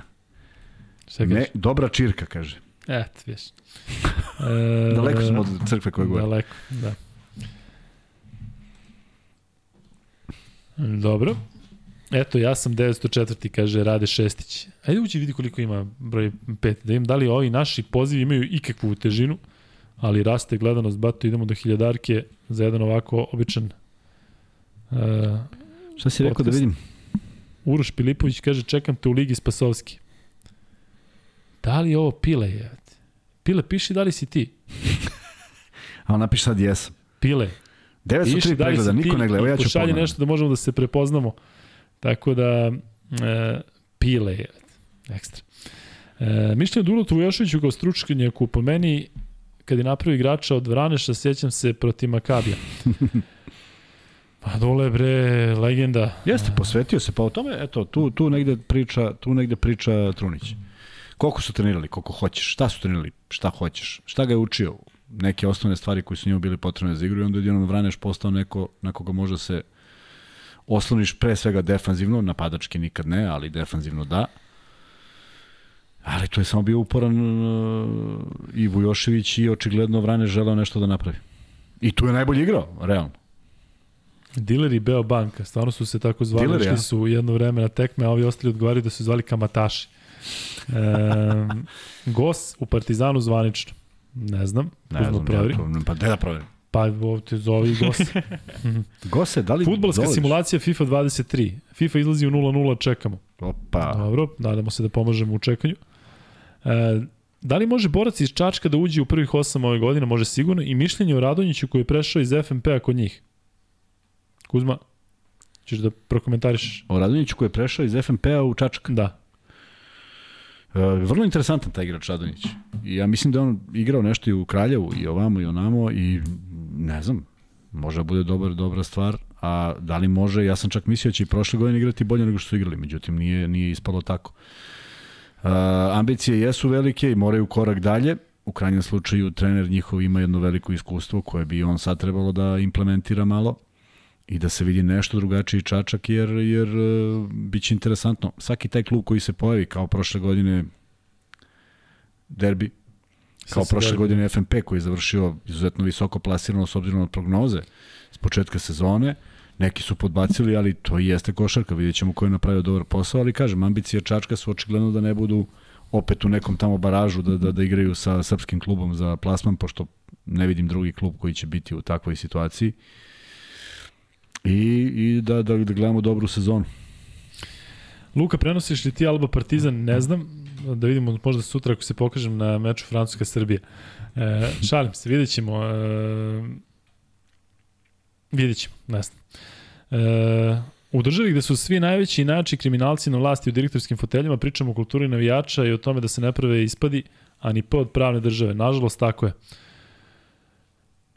Pa, Šta ti možemo da pričamo, sve mi razumemo, nego govorimo da... Mm, E, znaš iz kog ugla posmatram? Iz ugla da, da eto, bilo je tih nekih neprijatnosti koje nikad nisam doživio traumatično, niti sam, mi je ikad bilo strah da igram bilo gde. Ali, ali znalo se šta je, šta je granica. I prosto funkcionisao si po tim principima i slušao si uvrede i, i nebrojeno puta posle utakmice u mnogim halama, kad se ono sve stiša, posle jedno 15 minuta dođu ljudi i čestitaju. E to ti onda vrati da, da je to samo sastavni deo. Ovo, ovo pređe granicu i ko trpi, trpi klub za koji navijaš. I tu nema nekog mnogo velikog smisla. e, nije fora, stvarno je Gordić pred potpisom, Dobro, Zato što verujem. ovde sad kažu da je Avram out do kraja godine. Uj, Strašne stvari, ako je tako, naježio sam se, dakle, momak, ne pa znam, nemamo tu informaciju, danas sam pročitao sve što je stiglo. Da, ali što ti kažeš, Trunić nije delovao onako za, na duže staze kao Zašto je pričao, zašto mu je poznata povreda kako izgleda. Da. Tako da. E, ajmo reći deo KLS-u, već smo pričali I da, to su nas zamolili da pričamo i ispričat ćemo u narednom periodu kada bude bilo, ali ajde. i komentarisat ćemo kada bude malo se sve zahutalo Da, i ni ja ni da. Kuzma nismo stigli da ispratimo kako treba, vidite koliko ima. Ja sam juče recimo, pošto nisam očigledno, ono, kažem, normalan, pratio sam meč prijateljski između Baskoni i London Lions, ali me zanimaju ti London Lions i kako će igrati u Evrokupu i to je nešto bilo nekih zilion uh, poena, pritom Ajek i Bambergs, Ajek i Bayern su igrali prijateljsku, Ajek uh, nisu igrali sve igrače, ali tamo ima nekih nevjerovatnih imena, Mavroidis, uh, Manzaris, dakle Ajek ima ekipu.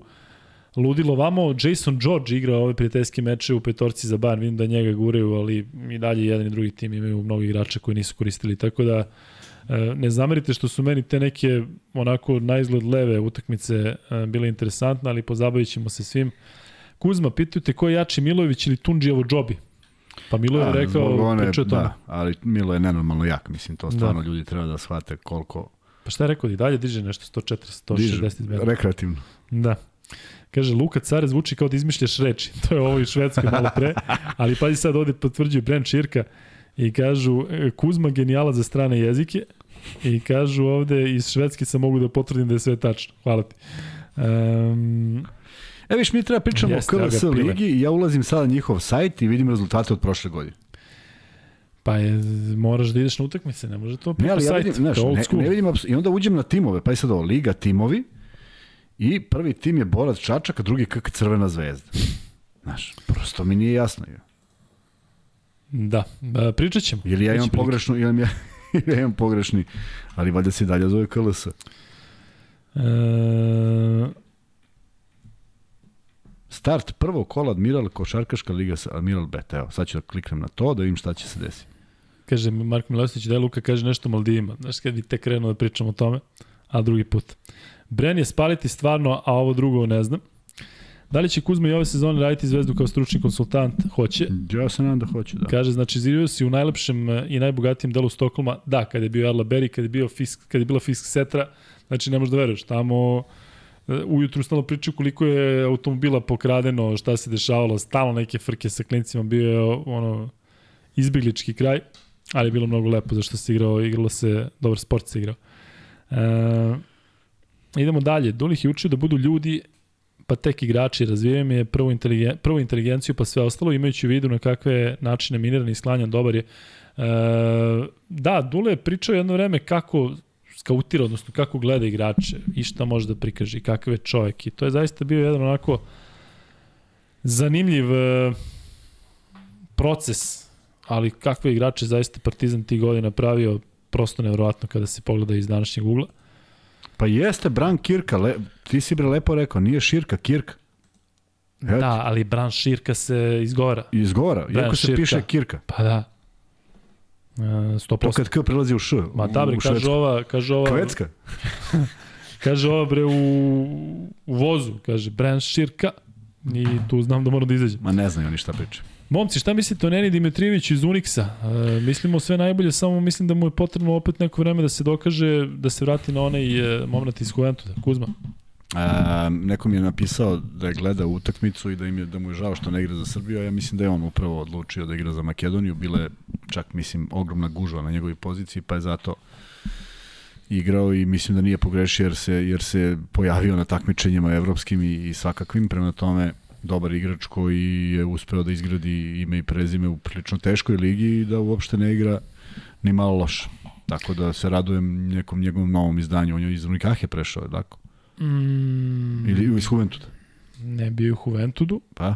Pa je onda prešao negde gde je Dobro, bio... Dobro, u Juventudu, na to sam mislio u Španiji. Ne, ne, prešao je u, iz Juventuda bre negde u Valenciju. Pa eto, Ili bolje. tako negde. Da, da. Um, Mišljenje o Bobi Marjanoviću, da li je bolje da se vrati u Evropu i da igra košarku i da ostane maskota u NBA? Više, ma na, to je to. Čekamo da Bobi odgovori na poruku, pa ćemo onda vidjeti da pričamo sa njim o tome. Sećam se utakmice Borac budućnost Podgorica u Čačku 1997. Da. godine na poluvremenu je bilo šutiranje slobodnih bacanja deca na dva koša, pobedio sam na jednom košu i dobio refleks majicu. Eto. Sećaš li se ti toga kud? Sećam se. Da. Toga ja sećam baš te utakmice. E, a kako se sećaš table polomljene, ništa. Pa kako kad se čovjek zaleteo Doderović i on je bio ozbiljan igrač. Da. Avramović mesec je mesec i po dana do dva da, meseca, nadamo se. to su napisali, da. Crni grobar, Crni grobar kad kaže Avramoviću nije zarasla ruka, Partizan izlazi da. na tržište, Aleksa se očekuje da počne s trenzima tek za mesec i po dana. Da, da, nije zaraslo, to je rekao Truno.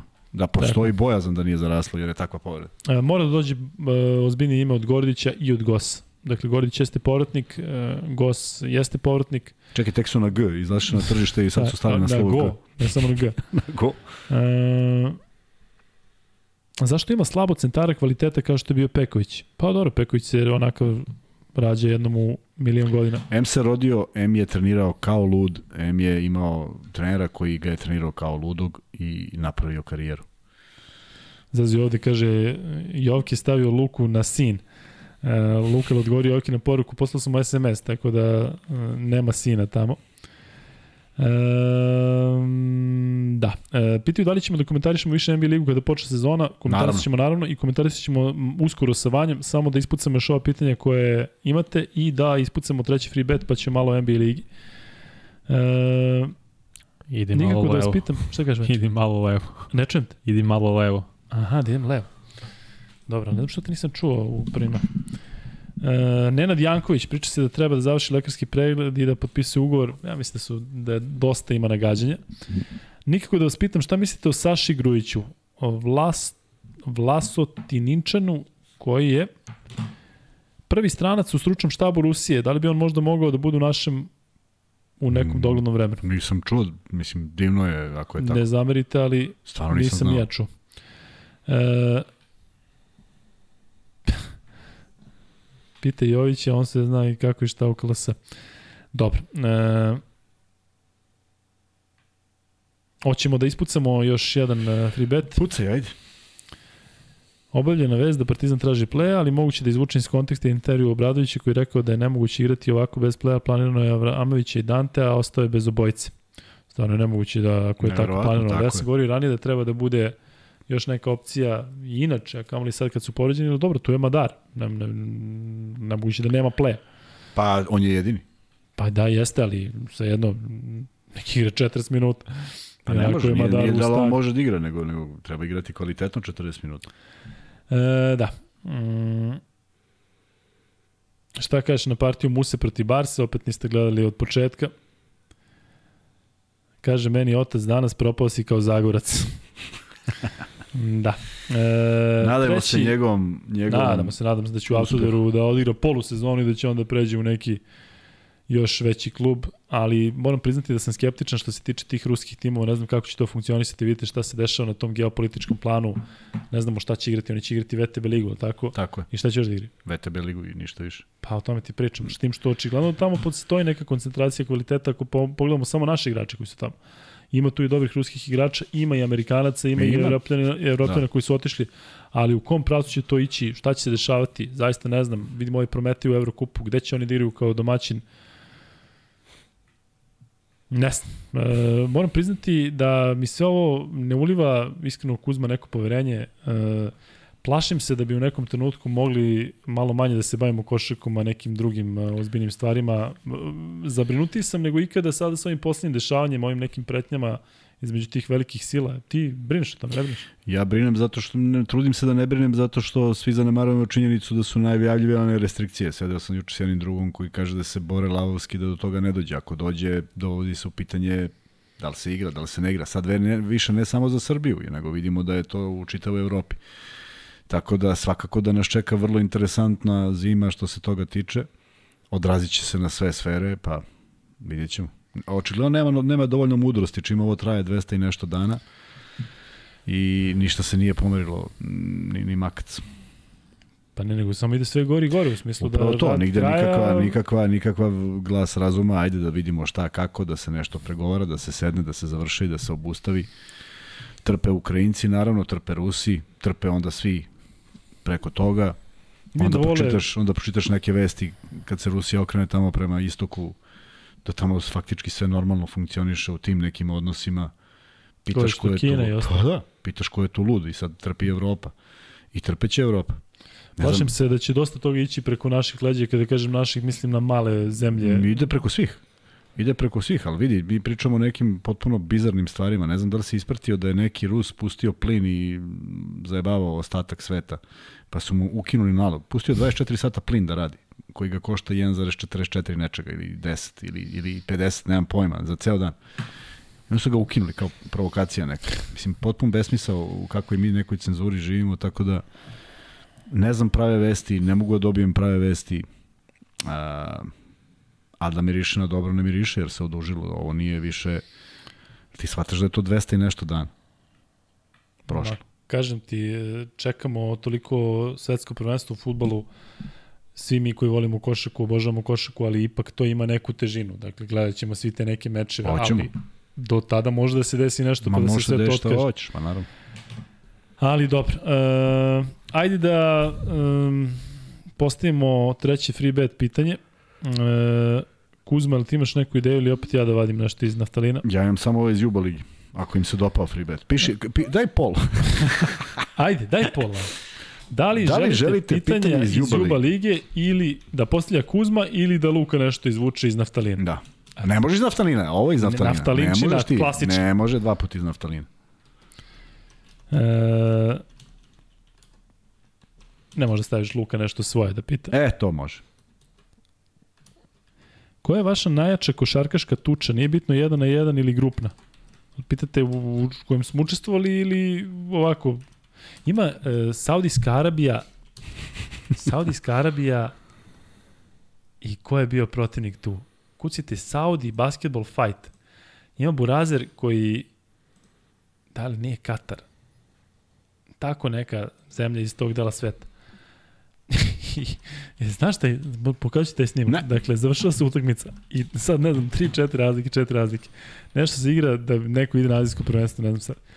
I majstor kreće u napad i vidi da ističe vreme i uzima loptu i okreće se ka sudi i degažira ka sudi direktno u glavuđu i onda kreće da bije sudiju i sad ne mogu da ti objasnim kakva Kakva scena. tuča nastaje. Ali kažem ti, da vidiš njegov deganž sa pola metra u sudiju i to se pretvara u neko ludilo. Pokušat ću to da ti pronađem.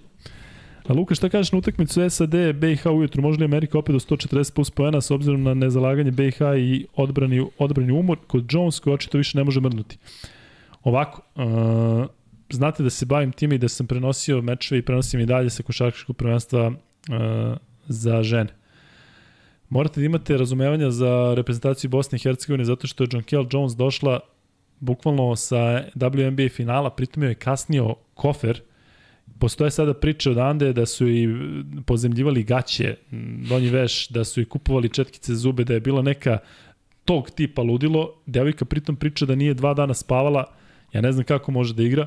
BiH zavisi u, u najvećoj meri od nje, ako Amerik, Amerikanke zapnu, zaista mogu da, da, ovaj, da opet odu na neki nevjerojatan broj poena. Um, tako da, um, sve u svemu, ne mogu da kažem da su razočarali, da sigurno BiH nije razočarala zato što je na svetskom prvenstvu, a tamo recimo nema iz Evrope, Španije ili Turske, ali možda je bilo nerealno očekivati nešto više. A eto špancima, gde su im žene? A, da, da. A mi kao pričamo devet, o ovoj devet, devet, ovih de, finala. de, deseto final. Pa mi smo ih nešto zezali, četiri finalu smo ih pobedili tamo, pa nisu mogli. Nemaju pojma, samo devet. Slušaj, ovo, nača podcast za malo tuča Luka Vrsis Kuzma. Šalim se. Koji je to podcast bio? Da ga zapamtimo. 70 neki. A pamtiš? E, tu oko 70, Pamtiš. kako ne pamtim, pa tražim da vidim šta se tu desilo. Još ti nije jasno. E, da se još malo nakupe odgovori pa da vidimo da li ćemo da postavljamo pitanje. Ne, Vanček, hoćete pričamo malo o NBA ligi dok, dok ovaj Poučina traje. Mora, pa da. Vanček, pitali ste za frizuru Jimmy Butlera, ti kao veliki fan Jimmy Butlera. Neka radi šta god želi, bukvalno ono, uživa čovjek u životu, nema Ali- nikakav problem. Vi ne vidite Vanju trenutno, Vanja ima istu frizuru kao Jimmy Butler. To je otprilike to. Znači, kader je na nama, ali S razlogom. e, prokomentariši, molim te ovo oko Udoki. A neko, eto, stvarno, grozne stvari na početku, prvi put kad je izašlo, nemaš sve informacije pa ne znaš šta da misliš. Da, jel znamo otprilike na kraju šta se desilo? On je nekome nešto dobacivao, pa u stvari je Da, nešto bilo njega i te žene. izgleda da je više žena u pitanju sa kojima je spavao, nemamo sve informacije. Iz kluba. Iz organizacije. Generalno. Da. iz organizacije, mislim, grozno, imaš jedan najboljih poslova na svetu, bukvalno, i sad imao si veliki uspeh u prvoj sezoni ne znam, ne znam čemu to. Da, ali uh, Imaš se i porodicu i sve, baš to da se dešava ovde u Srbiji, on bi bio heroj. U smislu, na šta, šta se dešava po, po našim klubovima i po generalno, mislim, kažem ti neko... Pa ja ne znam. Sa, samo je taj sistem u Americi gde to uh, nije dozvoljeno. Pa dobro, bio je sve. pre, imao bilo je pre odnosa, Phil Jackson je bio u vezi dok je bio trener Lakers sa Ginny Bass, koji je, bio fun, koja je bila funkcioner. To provereno ili ona priča neka... Pa bili su u vezi, šta Na ti- tako? Pa da. Više sad je stvari u vremenu u kom živimo. Mm, Da. Pitanje za free bet. Ko je bio u vezi u Juti 78? Ne, aj pitanje za tebe, ili možda ponoviš ko je bio u vezi? Jimmy Bass. Ule- Ko? Bass. Prvo sam htio da vas pitam, da, Jimmy da vas Bass. pitam da li je uopšte muško ili Bili žensko. su Phil Jackson i Jimmy Pa Bass. što, i neka to je sad, pa moderno je, šta? E, Luka i pitanje iz litvanske košake i lomljenje jezika sa onim njihovim klubovima. Da, mogli bi da smislimo nešto tako. Luka, da li znaš ko je Tata Brada? Nu, jel znaš ko je Tata Brad? Ne, Na koga ko je Tata Bradu misli? pa ne znam. Ja znam ko je Tata Ko? Brad. Pa junak crtanog filma. Ko beš? Tata Brada. Koliko crtanog filma? Tata Brada. Znači, Tata Brada i junak filma Tata Brada. Tako je. Ja nisam znao. Kuzma ima dužu bradu, pa zato. Nije zbog brade, nego je to praistorija. Ne Daj da na vidimo. Vančik, šta kažu u, u polu. Luka, oni sudije na meču Saudi- Saudijska Arabija Kuvajt, jedva pobegao od igrača, da. Luka, da li je istina da je Radonja zatezao Kinzija i Minu pa da. Kuzminu Juba Liga 59%, Lukinu pitanje 40%. Već ću radim više ovaj podcast. Je, yeah. Roka Kuzma, ajde. ajde. I sad kad ne budete mogli da odgovorite, onda ćemo da imamo. 12. marta. pitanje je, a uopšte nije teško pitanje što je najbolje. Bojane, mislim da je bilo je takvih priča, tako da ne mogu ti odgovorim javno, ali vrlo moguće. Ajde. Hoćeš da pitaš? Hoću. Što ne pitaš kako se zove što je prelomio tablu? To ti je ekstra ljubav pitanje. Čuveni tandem zdravlja u Winston Juba Ligi.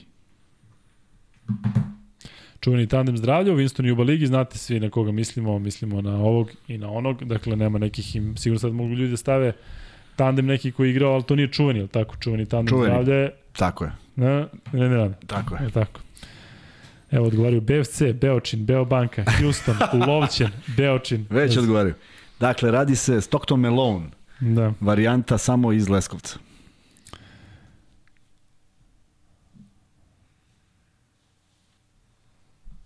Luka je još jedno pitanje, jesi li ikad prenosio braću iz Devičanskih ostrava? Meni nema draže ekipu u FIBA prozorima od Hođe i družine. Mislim da sam ih pogledao 10% utakmice u zadnjih 4-5 godina. Jes, da Hođe sam prenosio i to ne samo tu, nego mislim da sam ga prenosio u, kad je bio u Štelmec Zjelenoj gori.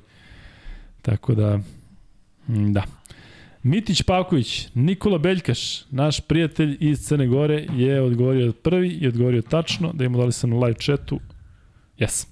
Tako da, e, ništa, Nikola, šalješ, znaš koji je proces, dakle, MaxBet ID, na Instagram Luka i Kuzma. Šta nam se dešava sa onim majmovima? Jel se dešava tamo nešto? Svašta, svaki dan. Od svaki dan? Da. Ništa mi ne šalješ. Ne znam čime sam te uredio, šta Da, sam ti Nemam uradio. vremena. Nemaš vremena. Mm. Dobro. Luka i Kuzma, vaše mišljenje o tuči igračica Malija posle poraza od nas i to sve u toku intervjua naše igračice. Pričali smo o tome na početku meča. E, rekoh, moguće da je neka druga vrsta obračuna. Na početku podcasta. Šta? Na početku podcasta. Da, na početku podcasta možete da vidite. Da se vratimo mi NBA ligi i Vanji. E, Vanja, šta se još novo dešava e, u NBA ligi? E, videli smo da Juta, dakle, sve slanja. Sve slanja. E, I šta je njima potrebno da bi dobili Vembanjama? da imaju jedan najboljih rezultata sledeće sezone i da imaju sreće na draftu. Na draft lutri. Jedan od najgorih rezultata, tako? Da. Pa da. Ali možda imaš i sreće na draft lutri. Tako je, pa da, ali to je preveliki rizik. Da ti sada tankuješ sezonu da bi te eventualno izabrali kao prvog, pritom taj Vembanjama sam po sebi je rizičan sa onim nožicama. Jel, bi, jel misliš da on može ne, izgleda on mnogo bolje nego Holgram. Da. Ho- Holmgren gotova sezona, tako? Gotovo, da, da. Da. Media Day je sad svuda. Još Šta? jedan. Pa Media Day je sad za sve timove Da. ovih dana. Mm. E, jel si vidio još nešto interesantno u NBA ligi osim ovog? E da, reci mi tvoje mišljenje o onoj najavi Redeem Team. Fenomenalno treba. Jesi vidio ono između Kobe i Gasola? Sam znao za to, ali sam, ono, ja znao sam, pa da. Kako je ono dobro? Jesi vidio da. Kuzma? Ne. Dakle, e, Prepričajem. znaš koliko će da trajao? Ne, pa ukratko. 2008. godine su igrali Španija i Sjedine američke države na olimpijskim igrama Dobro. U Pekingu. I e, tada su igrali Gasol i Kobe Bryant su igrali zajedno u Lakersima i bili su najbolji drugari. Međutim, Kobe je e, došao kod njega da ga poseti u ovom delu olimpijskog sela, došao pre, po igrače Španije, sve ih ne znam pozdravio i dolazi utakmica Španija Amerika. I ko bi kaže svojim sa igračima, razvalit ću ga, prvi napad ću ući u njega tako da neće znati da se nalazi, idem direktno u njega obranu. I ovaj fazonu kao, ma nema šanse. Da što znao koju će akcija igrati. Pritom nije prvi napad.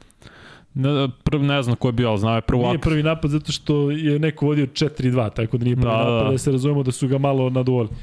I ulazi u Gasola, razvaljuje ga, ovaj leži, ne zna šta se dešava, još ga nešto i opsovao i onda su ovi rekli, kaže, to je, znači, posla poruku da vraća smo možda van terena i ne znam šta. Znaš kakav je početak, odnosno trailer za dokumentarac, ali jesi imao takve gadove na terenu, a da su potpuno drugačiji e, van terena? Ne. Ne, ne, nije, nije, nije to bilo nešto što je... Je bilo trash toka uopšte u ne, tvoje vreme? Ma ja. Da ti neko dobaci kaže... Ma ja, ma neko lupetao sporadično. A, Nisi slušao, ma ja. A Mirza? to, to, nije čovjek ništa pričao. A što ovo je ne ispričaš? Ma jo. Ma jo.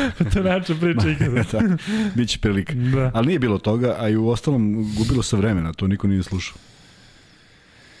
Pitanje za Luku, gde je Kinzi? Kinzi je mnogo mator, ja mislim da bi igrao košarku, možda moguće da je negde daleko. E, kad ste već kod NBA, sad sam video kako Zavan izgleda smršao dosta i uradio se baš dobro, tako? Video si mm, Zavan da radi na sebi.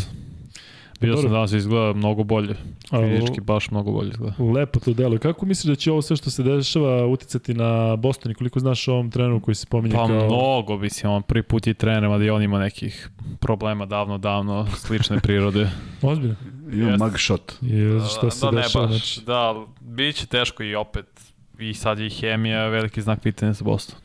U Doka ih je neko se ujedinio. Iako je Brad Stevens, recimo, košarkaški genije, ali nema to nešto u sebi da ih drži sve zajedno skup. Tako mislim da će biti baš duga sezona za Boston plus povrede Galinarija koji opet neće igrati cele godine. Još je bio ono priča Jalen Brown je treba se tradio za Durenta. Mislim, ko zna šta će to biti. Nije više Boston favorit kao što je trebao da bude. Ajde kad pominješ Durenta i Brooklyn, tamo je bilo toliko priče da ne znam da li će moći da sve, pa izgleda sad okej. Okay. Pa da, ali... Bio je danas mi gdje pričao je kao i sad je sve ono čist račun. Šta su oni dovodili? Su doveli nekoga? Pa jesu, i TJ Warrena su doveli, doveli su ovog, mislim da je Royce O'Neal, čini mi se. Još neko ima im baš i dobro izgleda Brooklyn. Čekaj, Lep vamo ovaj Blake Griffin i ostali, oni postoje. Mislim da nisu, sad ću baš da vidim. Griffin i ovaj, kako se zove bre? O, zabavno. A, Marcus Aldridge. Da. E, ne znam tačno šta znači, ali ja zgodno momena da kažem. Sanjao sam da sam potpisao za Washington Wizards. Ti? Mhm. Mm Pa ja mnogo dobar san, znači. e, mnogo dobar san. Znači da se gledamo u Vašingtonu i da da ćemo da putujemo u Vašington. Ne mogu ti ispričam sve šta je bilo, ne u, pre, u, u sada, ali pričat ti posle. Mnogo ali znaš šta je kod tebe da si, bilo bi možda ranije da si sanjao da si potpisao za Washington Bullets. To je bilo ranije. Misliš iz tog vremena? Pa je. Možda kako će zvati neki budući klub, nekad nije kasno. Da. Da budem GM.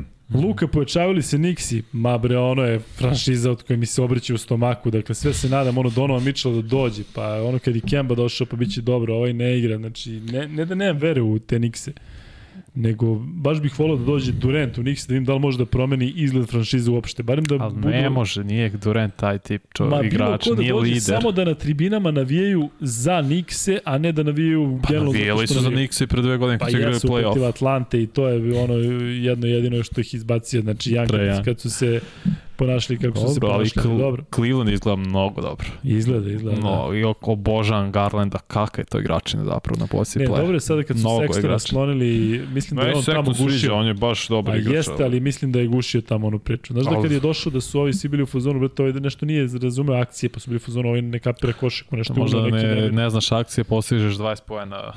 Da, ne, ne, jeste, on je bio pokidan u ruki sezona. Ne, jeste, ali kao je Garland stvarno baš je pocenjen. No, ozbiljna igrača. Gleda se do, pošto ime kao scrimmage, što igraju 5 na 5, ako to, kako je to lakoća kad igra. Prosto u, u parelepo, stvarno neko s lakoćem igra košarku i zna košarku i ja čekam da vidim kombinaciju njega i Mitchella. E, da li misliš da će LeBron svoju posljednju sezonu odigrati u Clevelandu? Ne. Ja mislim da hoće. Da će se vratiti u nekom trenutku posle. Ja da sam mesto Clevelanda ne bih. Što? Šta će mi? Pa, šta bi, pa, imam super ekipu. Pripada. Pa pripada tamo. Pa po, pripada super, ali dođe, imam... Nek igra po 15-20 minuta, šta, ne mora da... da... Never. Ja never, iskreno. Ostaću ovaj... je bio u Švedskoj? 2000. Čitaš, šta kažu? A? Prete nešto, će da biju. Ne, preti niko. Ma šalim se. E, tabu tema, svašta je Mile pričao o Luki i Kuzmi. Pričao nešto o Luki i Kuzmi? Ko? Ja, Mile. Ne. A? Ne. A ovo je neko troluje. Darko Stojanoviću, ajde napiši baš šta je pisao, a te pitaju, e, Kuzma, šta misliš o podcastu Ja Mile? Jao Mile, Jao Mile radi odličan posao. Videli smo se dan kad je rešio da, da krene podcast i to sam potpuno podržao i ima interesantne goste i nekako je sve u redu. E, pišite šta je, šta je pričano, već imamo ovde rad, napravili smo rad sa, sa, sa raznim podcastima, šalimo se naravno. Ali ovaj, Ma da, Nije ništa pričao, bre, to izmišljotina. verovatno hoće da stvore novi front, osim ovog koji je stvoren uh, juče kad sam čuo da nas nešto lajavio, ne znam o čemu se radi, stvarno, baš bih volao da, da Kaže ovde, Kuzma svajpuje na Tinderu, ništa ne sluša. Svajpo je na Tinderu. Uf, kad bi ja znao šta to znači. Jel ne znaš ni šta je swipe ni šta je Tinder? Mislim da nešto treba pređem prstom, a? Nešto. Da, a znaš šta je A šta Tinder? je Tinder? Tinder je Vančik potvrdio, onaj uh, sajt za upoznavanje. A, pa da, pa to. Da, Tako. da. To, A ima onaj drugi, ima onaj Pa uglavnom tabu. to radim. Da, ja se ne koristim. Tabu, To tabu. radim samo kad, ni, stalno kad nisam u studiju. E, Luka, kakve su šanse devojka protiv Francuskinje? Velike, zato što Marina Maljković dobro pozna te igračice, neke od njih je trenila, pričali smo o tome na početku podcasta, tako da mislim da su šanse velike. E, mislim da ova naša ekipa ima sjajnu energiju, za to je naravno najodgovornija Marina i sve u svemu samo da, da ne branimo te devojke od sebe samih, da ne pravimo od njih neke klinke koje su se tako pojavile na nekom velikom takmičenju prvi put, mislim da treba da prihvate ponekad i ulogu favorita, kao što je to bio slučaj protiv Malija, bilo je naglašeno nije Srbija favorit protiv Malija, jeste i dobro se snašla u toj ulozi. I to je to. Luka ko prenosi zvezdu u Euroligi ove sezone, jer se smenjuje Titilija ili Kuzma, krade leba. Ja neću raditi vjerojatno zvezdu, Kuzma sigurno hoće, tako da e, bit će ista ekipa kao i prošle godine, ja se nadam da će biti tako. Kuzma, zašto te nema ove godine? Na Seni igramo u Vojnjačkoj banji. Na čemu? Seni igraju. A, to su, to su, da, ovaj, to pretpostavljam da su to ovaj, takmičenje osoba sa invaliditetom i ja sam prošle godine pozvan kao ovaj, predsednik Saveza košarkaša u kolicima jer smo mi napravili jedan zaista bum u, u prethodnih pet godina. Ali onda došlo do obrta u našem savezu, mnogima se nije dopalo što sam tu i, ovaj, i onda je sve to stalo i meni je mnogo žao što je stalo, ali valjda ljudi kojima, kojima je bilo stalo da to stane, imaju neku bolju ideju. Ne znam da li su oni bili tamo, ali mi je žao zato što je prosto neverovatno kad vidiš te ljude s kojima ovaj, provedeš vreme i vidiš koliko napora ulažu da naprave neke prilično impozantne rezultate. Pritom svi se takmiče u bacanju koplja, u bacanju kugle, u bilo čemu u čemu mogu da učestvuju, potpuno je nevažno koji rezultat postignu, a potpuno onda shvatiš koliki je napor potreban da tako nešto uopšte i urade uh, sedeći u kolicima prema tome. Meni je uvijek bilo lepo i jedno lepo druženje. Nažalost, nažalost više nisam u toj priči, ali ovaj, mi je drago da ih poznajem i mnogo njih prati sve ovo što radimo, ima ih zaista redovnih, tako da smo i dalje u nekom kontaktu, a naravno s ovim mojim košarkašima u, koji igraju u Singidonu u Crvenoj zvezdi, sam uvek u kontaktu. Ko su lajeva da napadnemo njih sa dislajkom, šalimo se Ma, malo, jok. biće sve u redu, to je, malo se i mi zezamo. Luka piti Kuzmu da ti pokaže story, što ne znam šta je, koji je sada okačio na Instagram.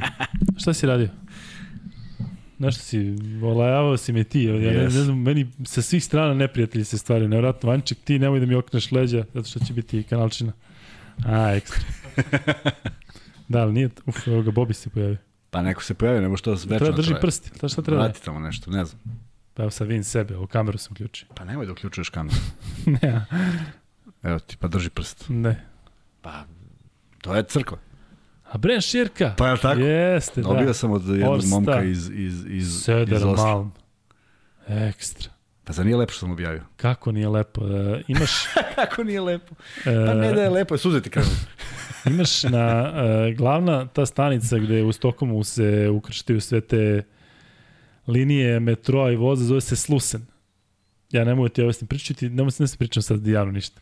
Mislim, ne, ne sad ljudi pogrešno, ali e, da. Kuzma, kome smetaš u Savezu? Nikome. Ne verujem da nekome smetam. Izuzetna saradnja sa velikom većinom ljudi. Luka, prizni da si grobar. Priznaje. Da li Madar ima kapacitete da postane startni play ili šest igrač u nekoj NBA ekipi u narednih 10 godina? U, to je daleko. Teško. Da. Ko? Madar. Ma kako? Evo, Vanče. Evo. Start Mi, e, a mi svi fini, e, mi svi fini. A, da, Vanja, da, kaže. Samo se uključi. Pa posle hoće da uključite Vanju, jel da? E, evo jedno pitanje za Freebet. U kojoj seriji je Kuzma glumio Kuzmu? E, u kojoj seriji? Ajde. Nagradni nemoj free bet. Nagradni free bet. Ko je, u kojoj E, bre, seriji? vidiš da, da smo na tankom ledu Nismo. bez svuda. Nagradno pitanje u kojoj seriji? Ajde da vidimo ko odgovara. Sigurno će dobiti Sigurno, free bet. da, da. Četvrti free bet. Dakle, ekstra free bet je u kojoj seriji je Kuzma glumio Kuzmu? Tako je. Pitaju Luka, ali se javio Joki.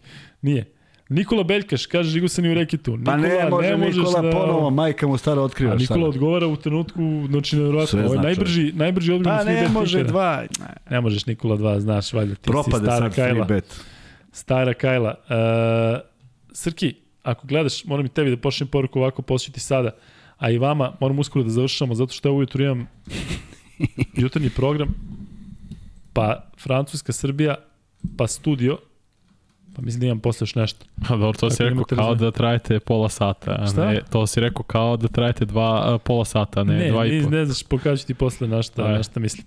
E, moj rođak sa sela, srećni ljudi, žigisani. E, žigisani, hoćemo da priznamo žigisani Nenadu Kragujevčinu, Hoćemo. naš, Nenade, Žigisani. šalji Žigisanom Kuzmi e, na Žigisani Instagram Luka i Kuzma. I to je to. Luka, moja baba gleda podcast sa mnom i kaže ovaj lepi, dobri dečko je grobar, a ovaj neprijatni cigan, živa istina. Šali se, šali se malo ovde. E, pazi, ovaj, pazi ovaj odgovor, gde si glumio. Badi pas košarkaš. Kakav Tamo sam imao je? sporednu ulogu. Jesi gledao Badi pas košarkaš? Kako nisi gledao onaj bre retriever što igra košarku? Pa? Nisam imao snagi. E, čovjek, kakav onaj kad ga... Uh, Luka, piti Vanju, šta kažeš na temu Crowder Phoenix? Mm. Ne, šta kažem. Bukvalno ne šta kažem. Nisi, nije nikakav wow sad igraš da je neki komentar. Ok, zatražili, zatraži on trade, oni su odobrili da će ga tradeovati, nije kao da je tražio Durant trade, pa sada bude wow. Više mi je šok reakcija Ejtona na pitanje da li je zago, zadovoljno ugovorom.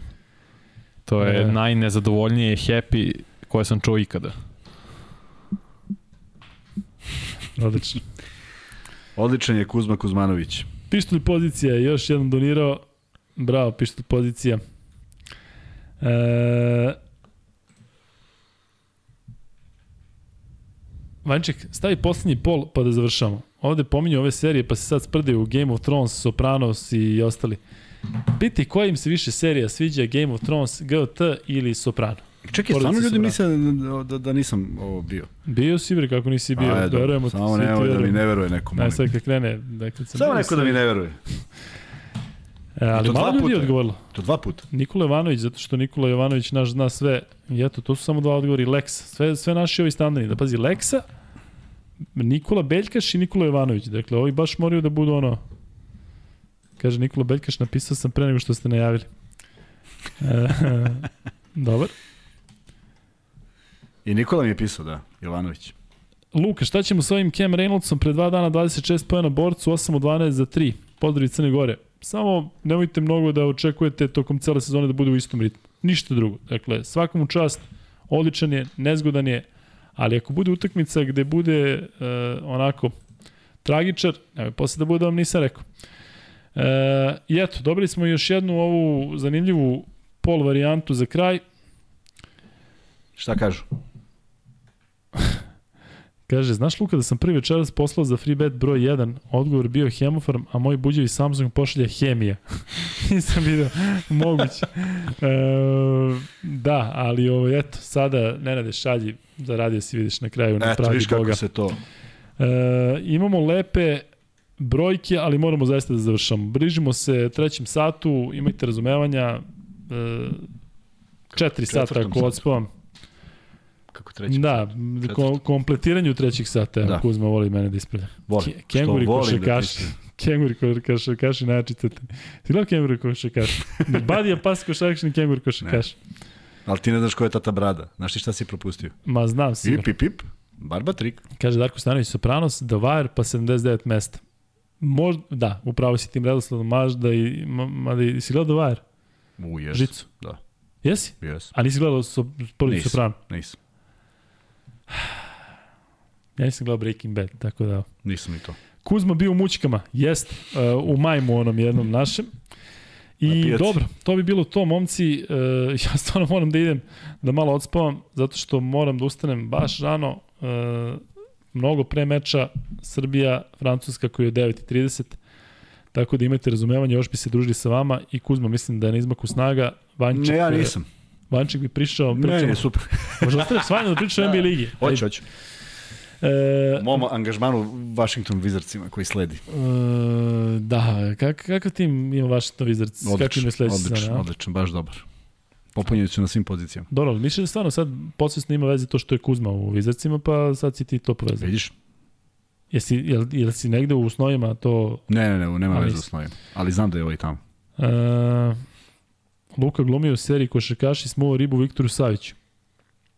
Viktor išao sa mnom u, srednju školu, uh, u četu, on je godinu dana mlađi. Uh, dobro. Uh, da Ivanček zatvori ovaj pol, pa da pičimo. 58 Sopranosi, 41% Game of Thrones. Raduje me ovo. Uh, pa dobro. to Nisam gledao Peaky očekivano. Blinders nikako da krenem da gledam, nisam gledao ni Breaking Bad, nisam gledao te neke kultne serije, čak sam se i na Game of Thrones uključio kasnije, nešto volim da gledam Sopranos po 500 puta i mućke i prijatelje, više nego da ulazimo u neke nove varijante. Ali dobro, to bi bilo to za sada. Um, šta ćemo, Kuzma, hoćemo nešto da pošljemo neku poruku za kraj? Ne, da se vidimo u četvrtak, da se nadamo da će gosti koje smo, ovaj, s kojima smo se čuli da će doći, bit će interesantno, najavljujemo opet sad već aktuelni početak ABA lige kroz to. Mislim da smo dokačili sve što je bilo interesantno u ovoj nedelji, a tek nas čeka početak svega što će se dešavati i želim da naravno ostane publika uz nas i da prati sve to što se bude dešavalo i naravno ovaj, da budu aktivni kao što jesu i na YouTube-u što se poruka tiče i na e, porukama gde nas gledaju, što je vrlo interesantno i zaista svaku objavim. Evo dobili smo u toku prenosa pa ću objaviti kad se bude završilo. I, i stvarno prijaju te neke, neke, neke sitnice, a nadam se da, da mi uspemo da se revanširamo za tako nešto. Ma ljudi, sjajni ste, zaista je milina dopisivati se ovde sa vama, pričati sa vama. Ja se toliko radujem podcastu, ko što sam pričao da se radujem onim mečevima rekreativne lige, toliko se radujem podcastima i hvala vama zbog toga, hvala Kuzmi, Vanji, Srkiju, svima koji, koji uh, su to omogućili da bude ovakvo uživanje. Toliko što se tiče dakle ovog podcasta broj 78, najverovatnije sa gostima, podcast 79 u četvrtak u 21. Vidimo se.